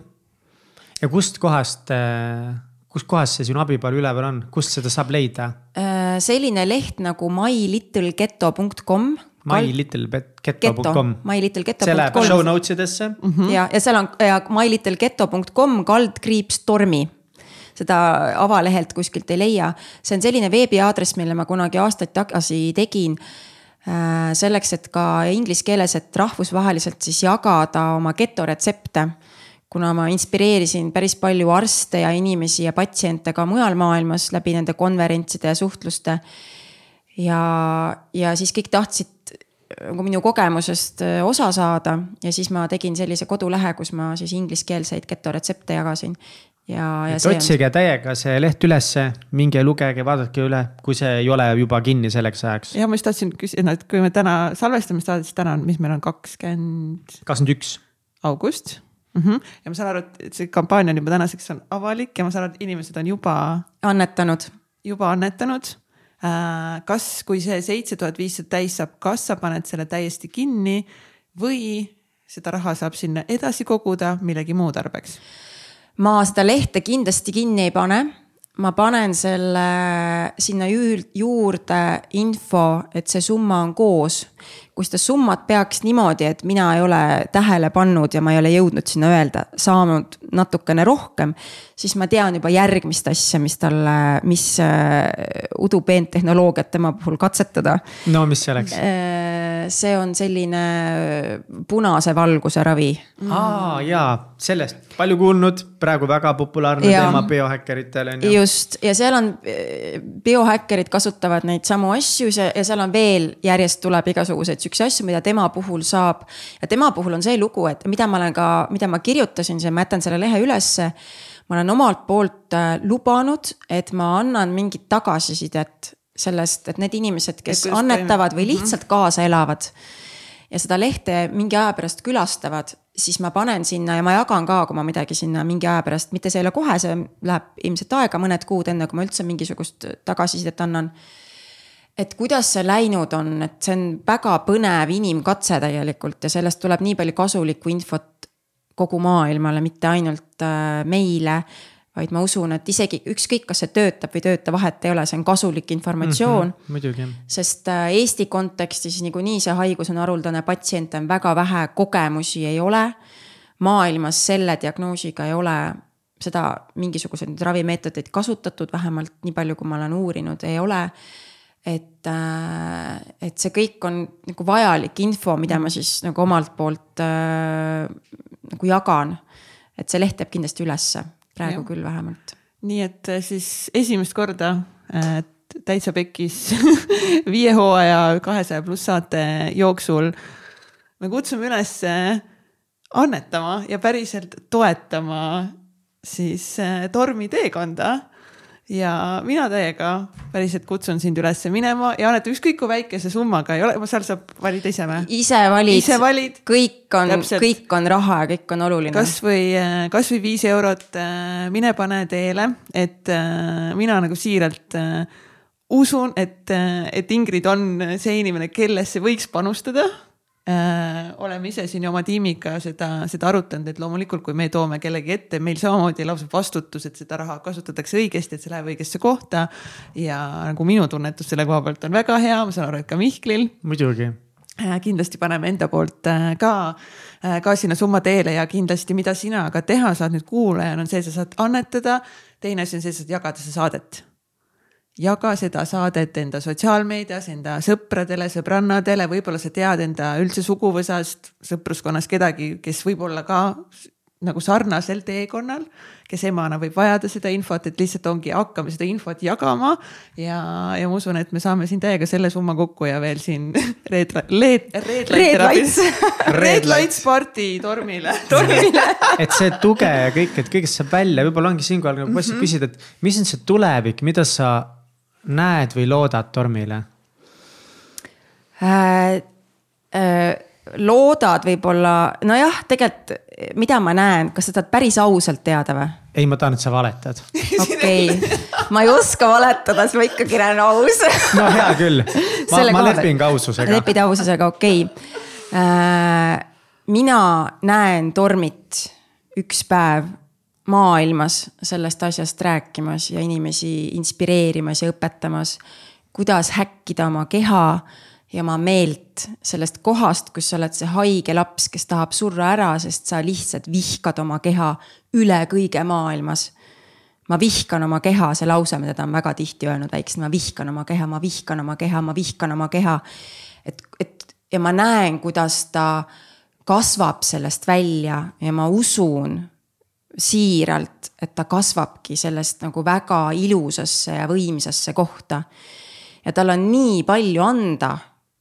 noh, keda veel siis kuulata, kui mõnda sihukest inimest, kes on, ma ei tea, ma ei, ma ju ei tea, mis see teekond, see on ainult algus praegu.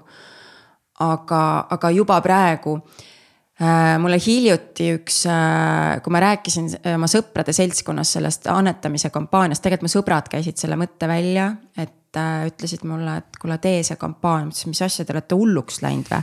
mina ei tee mingit annetuskampaaniat, nad ütlesid päriselt ka.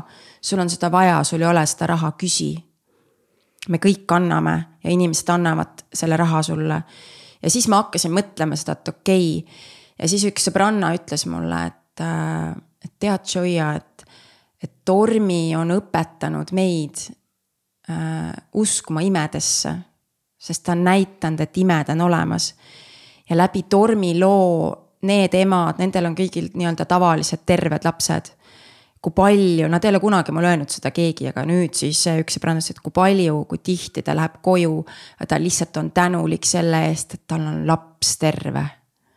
et, et, et seda, seda on vaja ka täiesti tavalise, normaalse lapse emale kuulda seda lugu olla selles kohas, kus sa oled üle väsinud või läbi põlenud või ta jonnib sul kuskil, see laps või need lapsed. sa tunned, et sa ei saa hakkama. selles kohas, kui sa näed kõrvalt, oled osa mingist sellisest loost, siis see täiega aitab. lihtsalt tunda rõõmu, suva, las ta vingub, las ta jonnib, ta on terve. jumal tänatud, sellest piisab mm, -hmm. ongi kõik ja boonuseks näha, kuidas on tõesti võimalik ühest nagu kannatusest nii-öelda võtta maksimumi siis. ka see kingitus sealt välja võtta, et Tormi on nii palju õpetanud mind. ta on must toitumise, inimkeha toimimisel teinud juba noh, ma jagan matsu päris hästi mingitest asjadest, on väga enamus asju, mida ma ei tea aga ma olen ikkagi päris teadlik mingites kohtades iseendast juba. üks asi, kuidas ma söön, kuidas ma olen. ma arvan, läbi selle ma olen tunduvalt parem terapeut ka. et, et ma olen ise, mul on, mida jagada iseendal ka, esiteks on mul endal parem, aga mul on, mida jagada teistele väljaspoole ka. ja see on see kingitus, et, et see on, see on hästi oluline sõnum et, et tõesti kõik on võimalik, no siis, kui kõik on pekkis, siis, äh, siis, äh, siis see on võimalik, me, kas ma võidan või ma, tundub, et ma kaotan. jah, mingid kohad on tõesti need valusad kohad. nagu ma teile enne seda, kui me rääkisime teiega korraks enne seda saate algust, ma ütlesin, et, et need valusad kohad ei kao ära kunagi. Noh, mingi lein, mulle kunagi üks tuttav, kes on oma lapse kaotanud, ütles et see ei kao mitte kunagi ära see ei kao ära, see oleks vale, kui ma ütleks, et jah, ma olen täiesti, mul on väga hästi sellega, ma ei mäleta. on hetki, kus on tõesti, see tuleb üles ja jälle on valus. aga, aga seal on nagu nii palju ilusat selle juures ka. nii palju, mille eest tänulik olla kokkuvõttes. ja ja mul ei ole ju tegelikult teist varianti kui kõige selle peale nagu naeratada, tegelikult ei ole ju. ei ole, muidugi ei ole. sest kui ma, kui ma. on, on, tegelikult on. tegelikult on, on. väga oluline see on välja tuua, on valik alla anda, on valik olla ohver. aga sa valid naeratada ja okay. mitte olla ohver. jah, ma olen, ma olen, vaata alla ma ei ole andnud, ohver ma olen kindlasti olnud korduvalt. aga aga ma, mina tundsin, et mul ei ole varianti, kuidas ma annan alla, mis ma siis teen, ainus variant oleks ära surra. ma mõtlesin selle peale ka, et tegelikult ma tahaks, et ma sureks ära selles kohas, aga ma ei saa ära surra, mul on lapsed. noh, kokkuvõttes ei ole varianti, mul mm -hmm. ei ole nagu, ma olen nagu igatpidi seotud, et mul on äh,. mu lapsed, mul on see vastutus ja emana, iga ema, kes kuuleb, ilmselt saab sellest aru, et see ongi see koht, et et, et mul ei ole varianti, enne kui mu lapsed sündisid, ma ei tea, ma hüppasin vangavarjuga, tegin ma ei tea, mis iganes asju, seepärast et noh, mis siis on noh. noh, läheb siis nihu, siis noh. sa ei mõtle niimoodi, kui sa sel hetkel, kui sa saad emaks või lapsevanemaks või isaks, sinu maailmapilt muutub totaalselt. ja, ja justkui ma ei tea, mis see allaandmine tähendab, et, et ma siis ja ma tean ja samas arstid on öelnud, et, et, et, et noh vanemad ei tee seda, mida mina teen sellisel kujul, sest neil puudub ilmselt võimekus Äh, läbi minna sellest, äh, et ma ikkagi pean seda režiimi, see on väga range režiim. ma pean seda režiimi, ma pean nendest reeglitest kinni, ma ei libastu. ärkan hommikul varem üles, lähen õhtul hiljem magama selle arvelt, et need asjad saaks tehtud, mis peavad saama tehtud. ehk siis see toidu pool ja, ja need terapeudid peavad saama käidud. ja need asjad peavad saama tehtud, sellepärast et ma lihtsalt, ma olen, noh, teen kõik selleks, et see saaks võimalikult palju korda või noh, et ta saaks selle täisväärtusliku elu ja ma näen, et see tõesti, ma usun, et, et see töötab. aga kuidas us... süütundega on, et sa sünnitasid haige lapse ähm...? tead, ma usun, et sellega on parem ma vale, valetaks, kui ma ütleks, et mul ei ole seda. aga, aga, aga kindlasti ja üks jälle, mis ma teile ka enne ütlesin, et see saade on tervenduseks minule endale. Et sellest häbist ja süütundest, et ma olen sünnitanud haige lapse, ma ei saanud hakkama terve lapse loomisega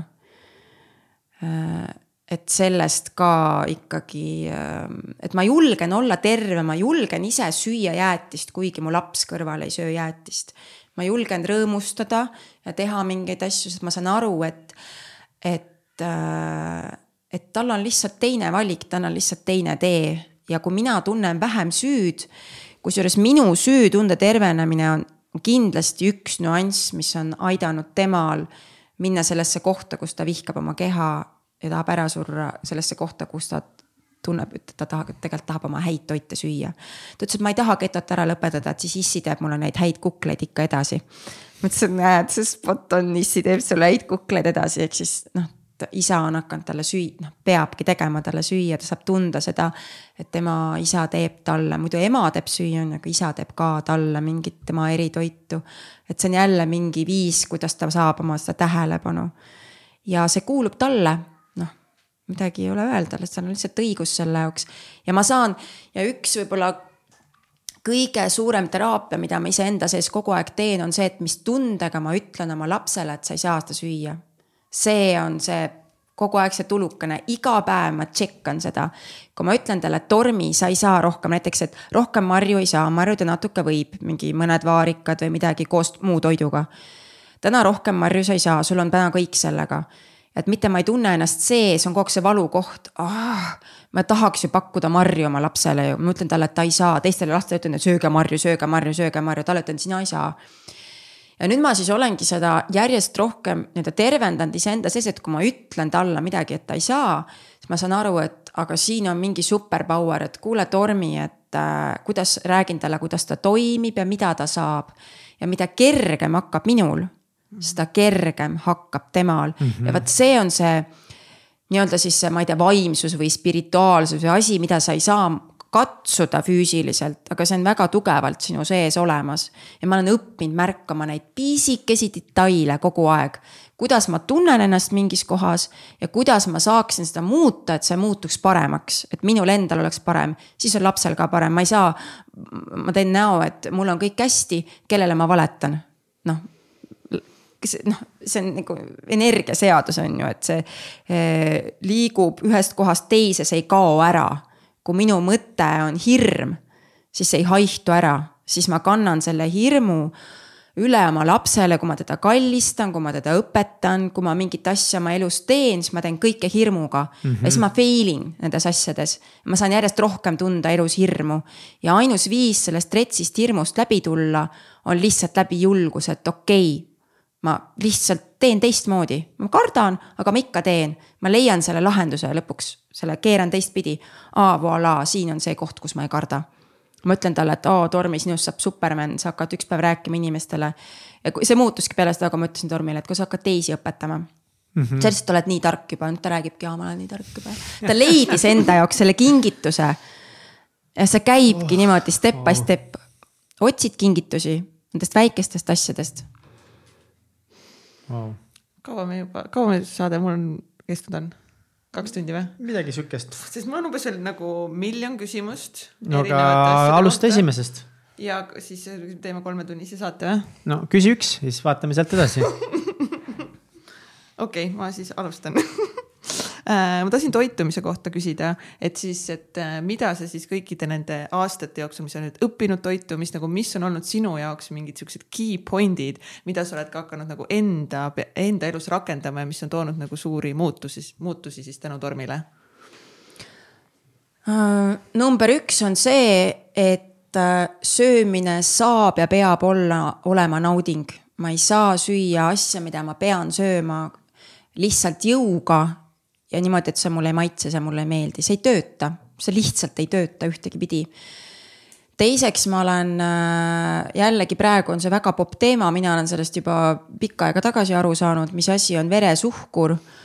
Äh, mis asi on, äh, mida, kuidas me kõik see tänapäeva heaoluühiskonna moodsa aja dieet süsivesikute rohke toitumine, mida see reaalselt kehaga teeb. mis see teeb reaalselt kehaga? see lõhub su keha, sa oled Äh, kõik need haigused, mis iganes meil on, südame-veresoonkonna kuni vähkideni välja, see on, kõik on toitumisest ja teine asi on mõtlemisest no,. elustiilihaigused. elustiilihaigused, see on mm -hmm. see, mille kätte me kõik sureme ja seal on mingid lisafaktorid, mingid geneetiline pool, mis aktiveerub läbi mm -hmm. elustiili, on ju, see on ka mm -hmm. teada värk.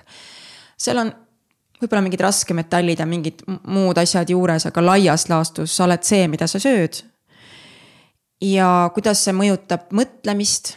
see, kuidas ma söön, kuidas ma saan oma, ma ise õpetan ka teadlikku toitumist äh, koolitan inimesi ja siis võtangi need pulkadeks lahti, räägin alates sellest, kust tekivad sinu isud ja maitsemeeled, mida ma olen aru saanud, mis arenevad muuseas ema kõhus juba.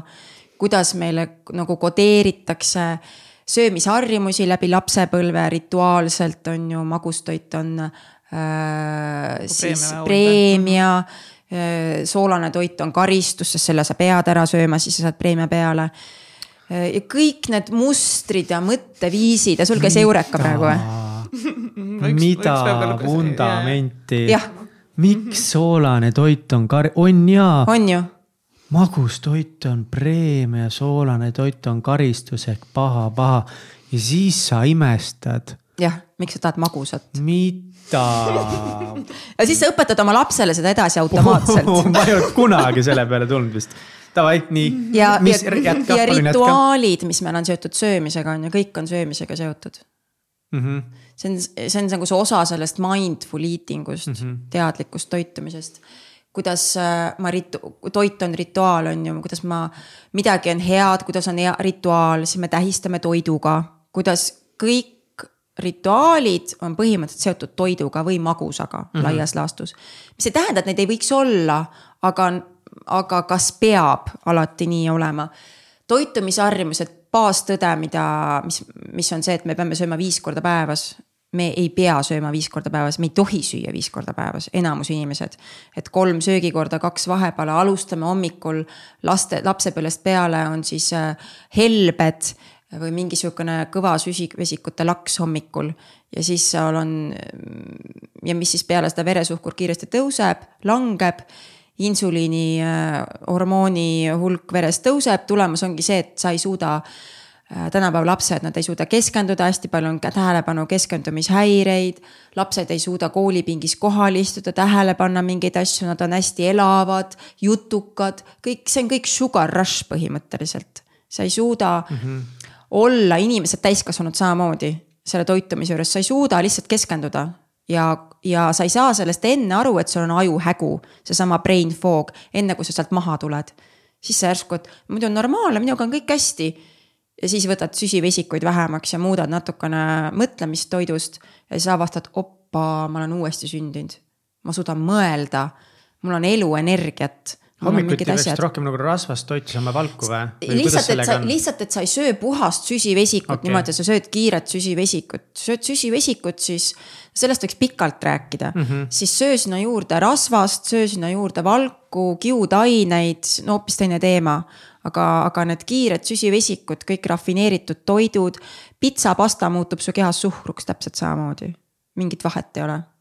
et äh, et kõik siuksed teadmised, mida ma läbi geto olen saanud ja, ja proovinud siis oma teistele lastele õpetada, mis neile absoluutselt ei meeldi muidugi. Nad arvavad, et nende ema on täiesti mingi kuu-kuu.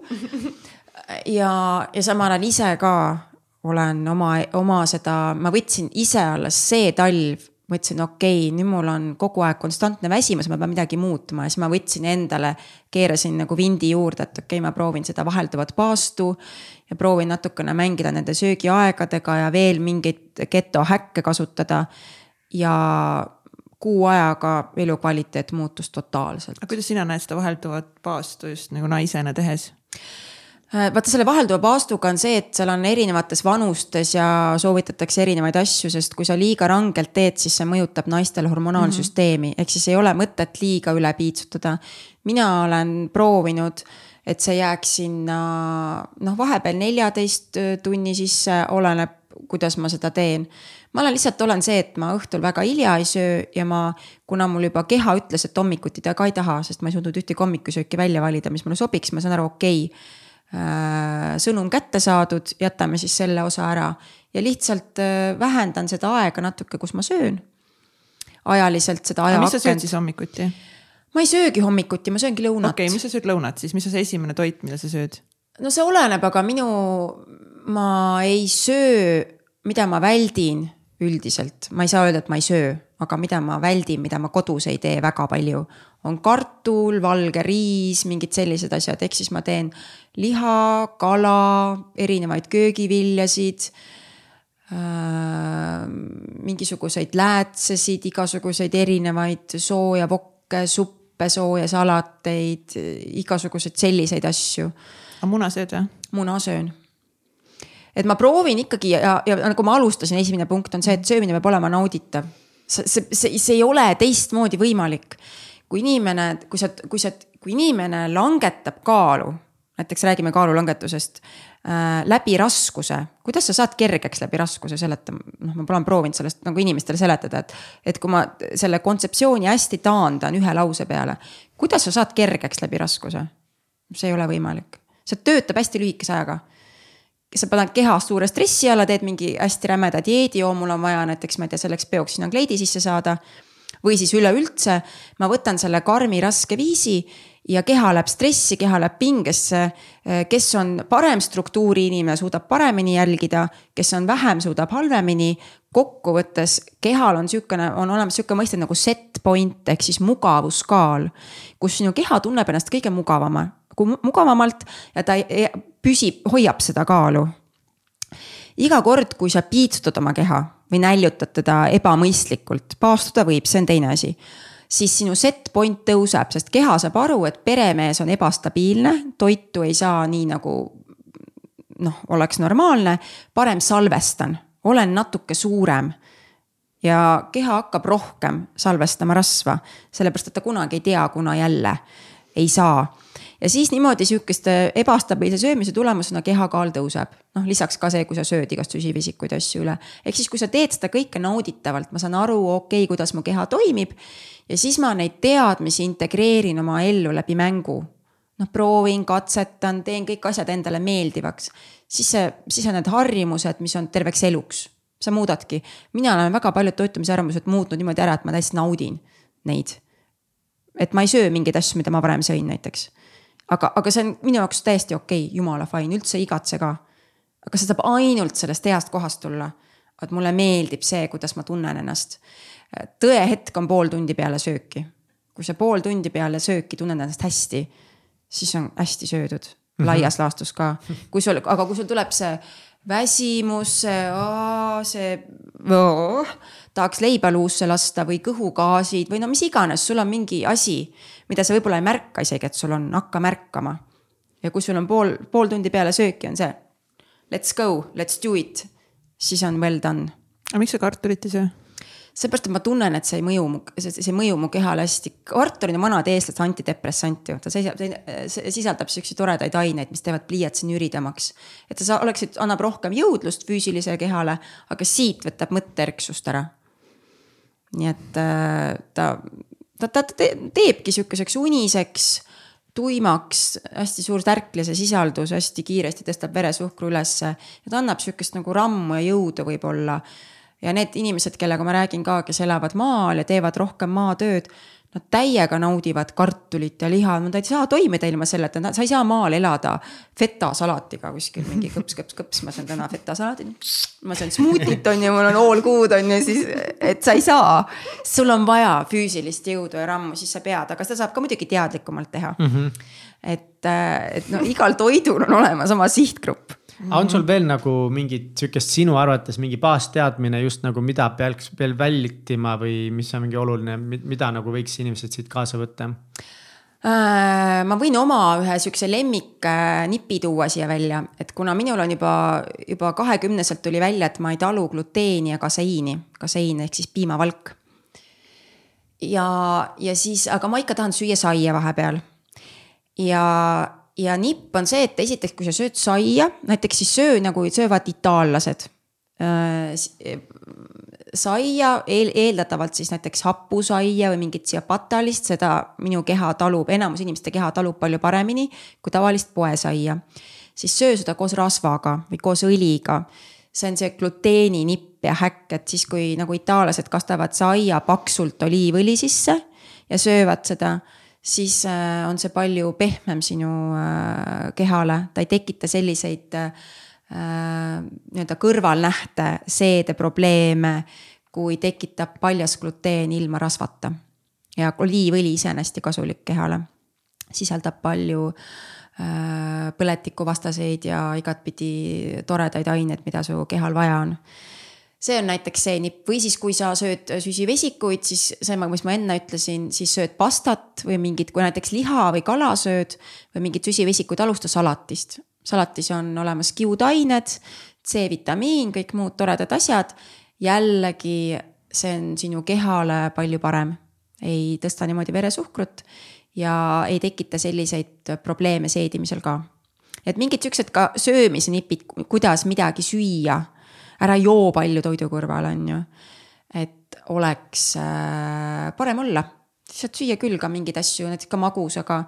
siis, kui sa oled oma kõhu täis söönud, seal on sul valku, rasva, kõiki asju, siis võta väike amps peale, siis see niimoodi ei tõsta su veresuhkrut ja sa ei väsi ära äh, peale söömist ei tule sihukest rammet, rammestust, sest äh, süsivesikute rikas toit tekitab nälga. et sa sööd näksid, küpsiskomm, pasta, pitsa, riis, kart, kartul, äh, igasugused siuksed asjad, see tekitab kogu konstantselt, söögiisu kasvab. aga mis seda väsimust siis ikkagist kõige rohkem tekitab pärast seda toidu tarbimist? veresuhkru kiire tõus ja langus mm, -hmm. insuliin. ja sellest tulebki see sihuke väsimus veresuhkur tõuseb kiiresti, korraks tuleb sihuke, nii hea, tuleb orgastiliselt hea on, mõnulaine. ja siis tuleb tuff. ja siis sa lähed veel suuremasse äh, nälga või väsimusse, kui sa olid enne seda, ma ei tea, kommi või küpsise söömist.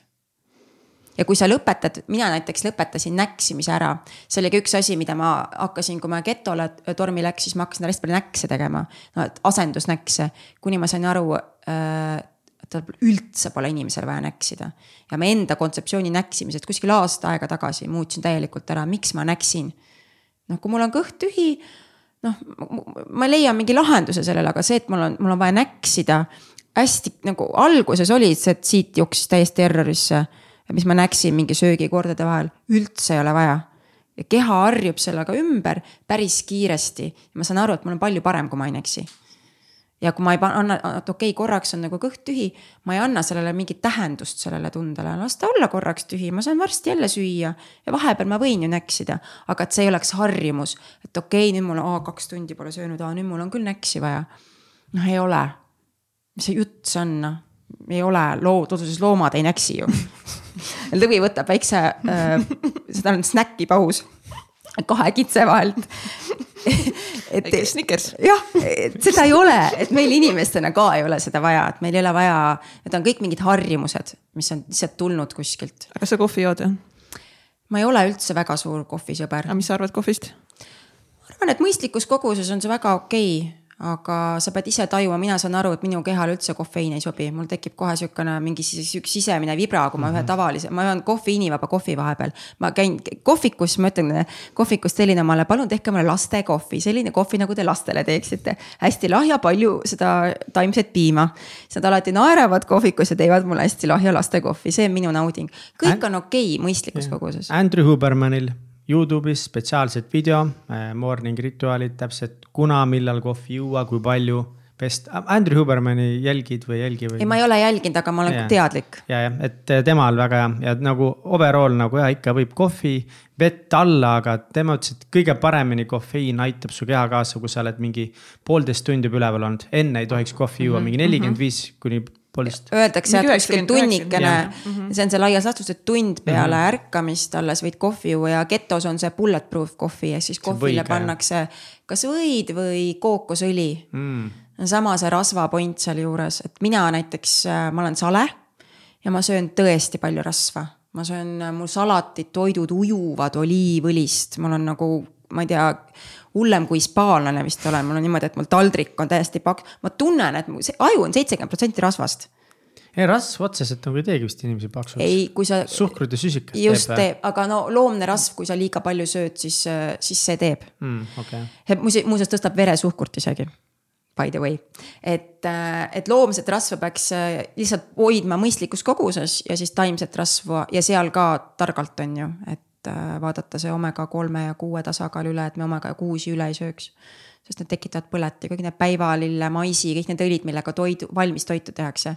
rapsi ja soja. just, neid tuleks vältida, sest need tekitavad kehas põletikku nii et äh, häid siuksi rasvasid ja lihtsalt nendega võib täiega kuuma anda et tegelikult nagu suures pildis, no need, need, need põhimuutused, mida oleks vaja teha, need tegelikult ei ole nagu need liiga keerulised muutused, et selles mõttes, et kui sa tahad getot tegema hakata, no see on noh siis sa pead ilmselt päris palju nagu ümbertegemise kergemat ketot, aga see, et sa natukese paremini toituma hakkaks. ei ole minu meelest nagu nii suur effort, aga nagu kasutegur on päris suur. väga suur, see on, e-, see on terve sinu elukvaliteet see, see, see toitumine ei ole see, et ma loen kaloreid, seepärast ma mahuks kleidi sisse, see on kõik. See on see, kuidas ma mõtlen, millised on minu suhted, milline on minu töö kvaliteet, kuidas ma magan, see on kõik. see, see, on absoluutselt kõik, kuidas ma toimin. kui ma ikkagi söön niimoodi, et ma olen unine, väsinud, haige, närviline, pinges, siis kogu minu elukvaliteet sellest sõltub. et Äh, ja samal mm. ajal see ei ole keeruline neid muutusi teha. See ei ole nagu mingi vanasti oli, ma teadsin, mis asi on dieet, et see tähendab seda, et seda ei tohi ja seda tohid. vaid see on lihtsalt see suhtumine ja arusaam, kuidas ma vaatan üldse toitumisse no Kats, on sul veel põletavaid küsimusi, ma tean, sul on palju neid. mul on aga... ja ma hästi ei hakkagi sinna minema. no äkki on mõni, mis sa tunned, et noh, et sa nii tahaksid ära küsida. see ei ole niimoodi, et ma küsin ühe küsimuse, siis Ingi vastab jah või ei sellest järgneb meil no, mingi. on oht küll, et nii läheb jah. mõtlen, et ma ei tea, võib-olla kui veel meie saatekülalistel on näiteks ka Ingridile veel mingeid täiendavaid küsimusi, ma ei tea, äkki me saame mingi, teha mingi webinari pärast sinuga või, või midagi. Patreonisse. või mingi saate veel juurde, noh, kui sa kunagi mm -hmm. Hispaanias ju, Ingrid kolib ikkagist Hispaaniasse meil ju. jaa, absoluutselt. see on nüüd see üks suurtest eh, muudatustest, mida inimesed aru ei saa või? no see on see, et äh, eks nojah, ma arvan, et ilmselt osad ei saa jah et. aga miks Hispaania siis ikkagist? sellepärast, et äh, ma olen aru saanud, et äh, mul on õigus mingisugusele paremale klimaatilisele muidu elukeskkonnale ka, et. Et ma ei tahaks öelda, et ma otseselt kliimapagulane olen, sest ma ei põgene ära, ma ikkagi loon sinna teist kodu, mulle siia jääb kodu alles, et ma ei lähe niimoodi, et ma nüüd lähen minema ja ma ei tule kunagi enam tagasi. et, et see ei ole see case, vaid see on see, et ma selleks külmaks pimedaks ajaks loon kodu sinna ja muul ajal olen siin ja ja ma just käisin seal Hispaanias vaatamas seda elukoha ja seda noh, otsimas neid õigeid kohti, ettevalmistusi tegemas. ja see lihtsalt see tunne, kogu see kliima ja, ja need inimesed ja ega tööd tuleb ikka teha ja probleemid on igal pool samasugused. Aga mingi tunne kehas ja kõik kusjuures räägivad seda, nii palju, kui ma olen rääkinud inimestega, kes seal elavad poole kohaga või kõik täiskohaga, siis kõigil on täpselt seesama jutt, et mingisugune teine vibratsioon on kehas. Ja kuna ma olen nii pikalt nii kuidagi sihukene siis ma nüüd võtangi igasuguseid, proovin igasuguseid asju, kuidas lubada endale Äh, kergemat ja, ja võib-olla mingit teist, ma ei tea, kergemat ja kergemat elu, me kõik tahame kergemat mm -hmm. elu, mina tahan ka mm. -hmm. et see on võib-olla üks viis siis, kuidas ma leian, et ma saangi muuta mingeid oma tegevusi, mõtteviisi ja ma ei pea jälle hirmuga mõtlema, et tuleb see september ja siis läheb pimedaks ja külmaks ja, ja siis, ja siis on järgmised äh, üheksa kuud ootan seda ühte kuud. Muidugi. oota, aga kõikide lastega siis? ei, alguses äh, osad lapsed tulevad kaasa, osad jäävad siia ja siis vaikselt niimoodi vaatame, kuidas Aha. see asi toimima läheb. Ja Tormi jääb siis siia? Tormi äh, alguses vist jääb siia, vaatame, kuidasmoodi see saab jagatud, aga, aga kindlasti tuleb sinna ka muidugi päikse käes rannas on parem nutta kui Eestis kuskil pimedas sügispargis. ma ise mõtlen ka, et jood veini ja muidu ma veini ei joo, aga seal hakkavad kõik veini jooma. et, et muidu minu jaoks alkohol on no go, Hispaanias esimesel õhtul võtsin klaasi veini. see päris hea. et päris hea jah kuule davai, paneme siis peo kinni või, mis, mis kinni, mõtted on? ei ja, ja ei, kõik on super kõik on super. mu sajad küsimused, ma loodan, et saavad eh, vastuse mõnel teisel korral. Äh, sa enne mainisid, et, eh, et sa õpetad ka toitumist, kus sa õpetad toitumist, kus saab tulla ma sinu juurde? õpetan, äh, nüüd mul hakkab oktoobrist hakkabki, äh, nüüd kuna ma ära lähen, siis see koolitus läheb äh, veebi teel. muidu mul oli see, et oleks pidanud kohal olema. Herbaatikumi koolis, minu kodulehel, mul on sihuke koduleht nagu joia.ee, sealt saab infot, seal on ka üleval. et saab tulla kooli täiesti sihukesi seesama mindful eating ut, et selleks ei pea olema haige või selleks ei pea mingit probleemi olema, aga lihtsalt laiendada oma teadmisi Äh, toitumisest ja toitumisega on veel üks, ma ütleks siia lõppu sihukese nagu lause või mõtte. Et see, mida ja kuidas sa seedid oma füüsilise kehaga, see on täpselt samamoodi ka ju infoga, et me seedime toitu ja me seedime infot. et läbi selle toitumise, mis ma ka toon sinna erinevaid paralleele, kuidas me ka üldse infot seedime, mis tüpaažid erinevad inimesed on, kuidas me, kes, kuidas toimib et, et seepärast ma räägin, et see toitumine on beyond toitumine, et seal on nii palju muud, kuidas ma mõtlen ja, ja et siis sealt minu kodulehelt saab infot ja lisaks millest, millest me täna üldse rääkinud ei ole, siis noh, tegelikult ju Joia on meil ka tohutu taimetark. mina käisin Joia, eh, mul sõbranna kutsus, eh, lähme noh, ma ei ole väga mingi noh, hullult mingi, teen siin mingeid teekesi ja mingi värki-särki on ju nagu ja siis, äh, aga see tundus nagu põnev minna sinna, mis see mingi taimetee workshop. tinktuuri workshop oli oma isikliku tinktuuri workshop no,. töötuba. töötuba, on ju. ja siis lihtsalt Joia räägib seal lihtsalt mingitest, ongi erinevatest taimedest ja kuidas need mõjuvad ja kuidas tema on kasutanud erinevad tinktuurid ja ma olen lihtsalt mingi vau, vau et nagu need wow.. see on, see on nii äge maailm. see on mäng. see on ja, minu salahobi. on jah? jah, ma olen küll natuke. nagu need teadmised, tundub, et nagu lihtsalt noh, neid on nii palju. lihtsalt ongi toitumisest, mingid taimedest, tinktuuridest jah, ja seesama Tormi on olnud paljuski see, kes on mind nii-öelda veel rohkem sütitanud, äh, aitama, õpetada, õpetanud mind, kuidas aidata oma keha mitteinvasiivselt, ehk siis seesama holistiline lähenemine, keha on tervik ja ma võtan appi kõik looduse, erinevad teadmised, meditsiini ka. ja kombineerin siis neid kõiki omavahel koos ja ma võtan vastutuse iseenda keha eest ja teen seda.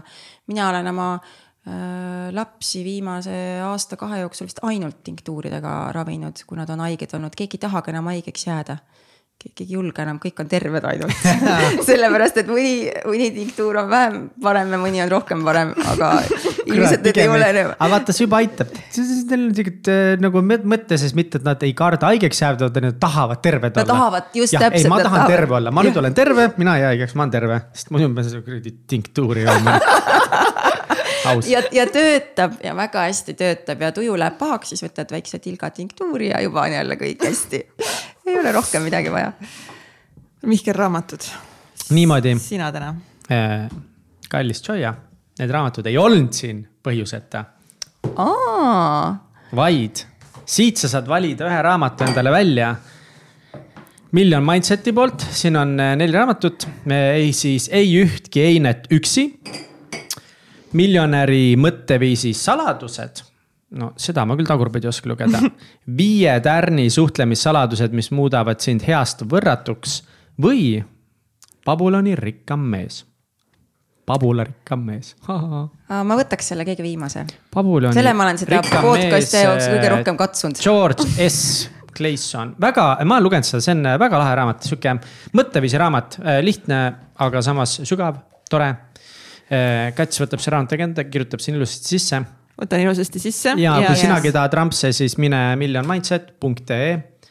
pane koodiks täitsa pekkis, saad kümme prossa alla.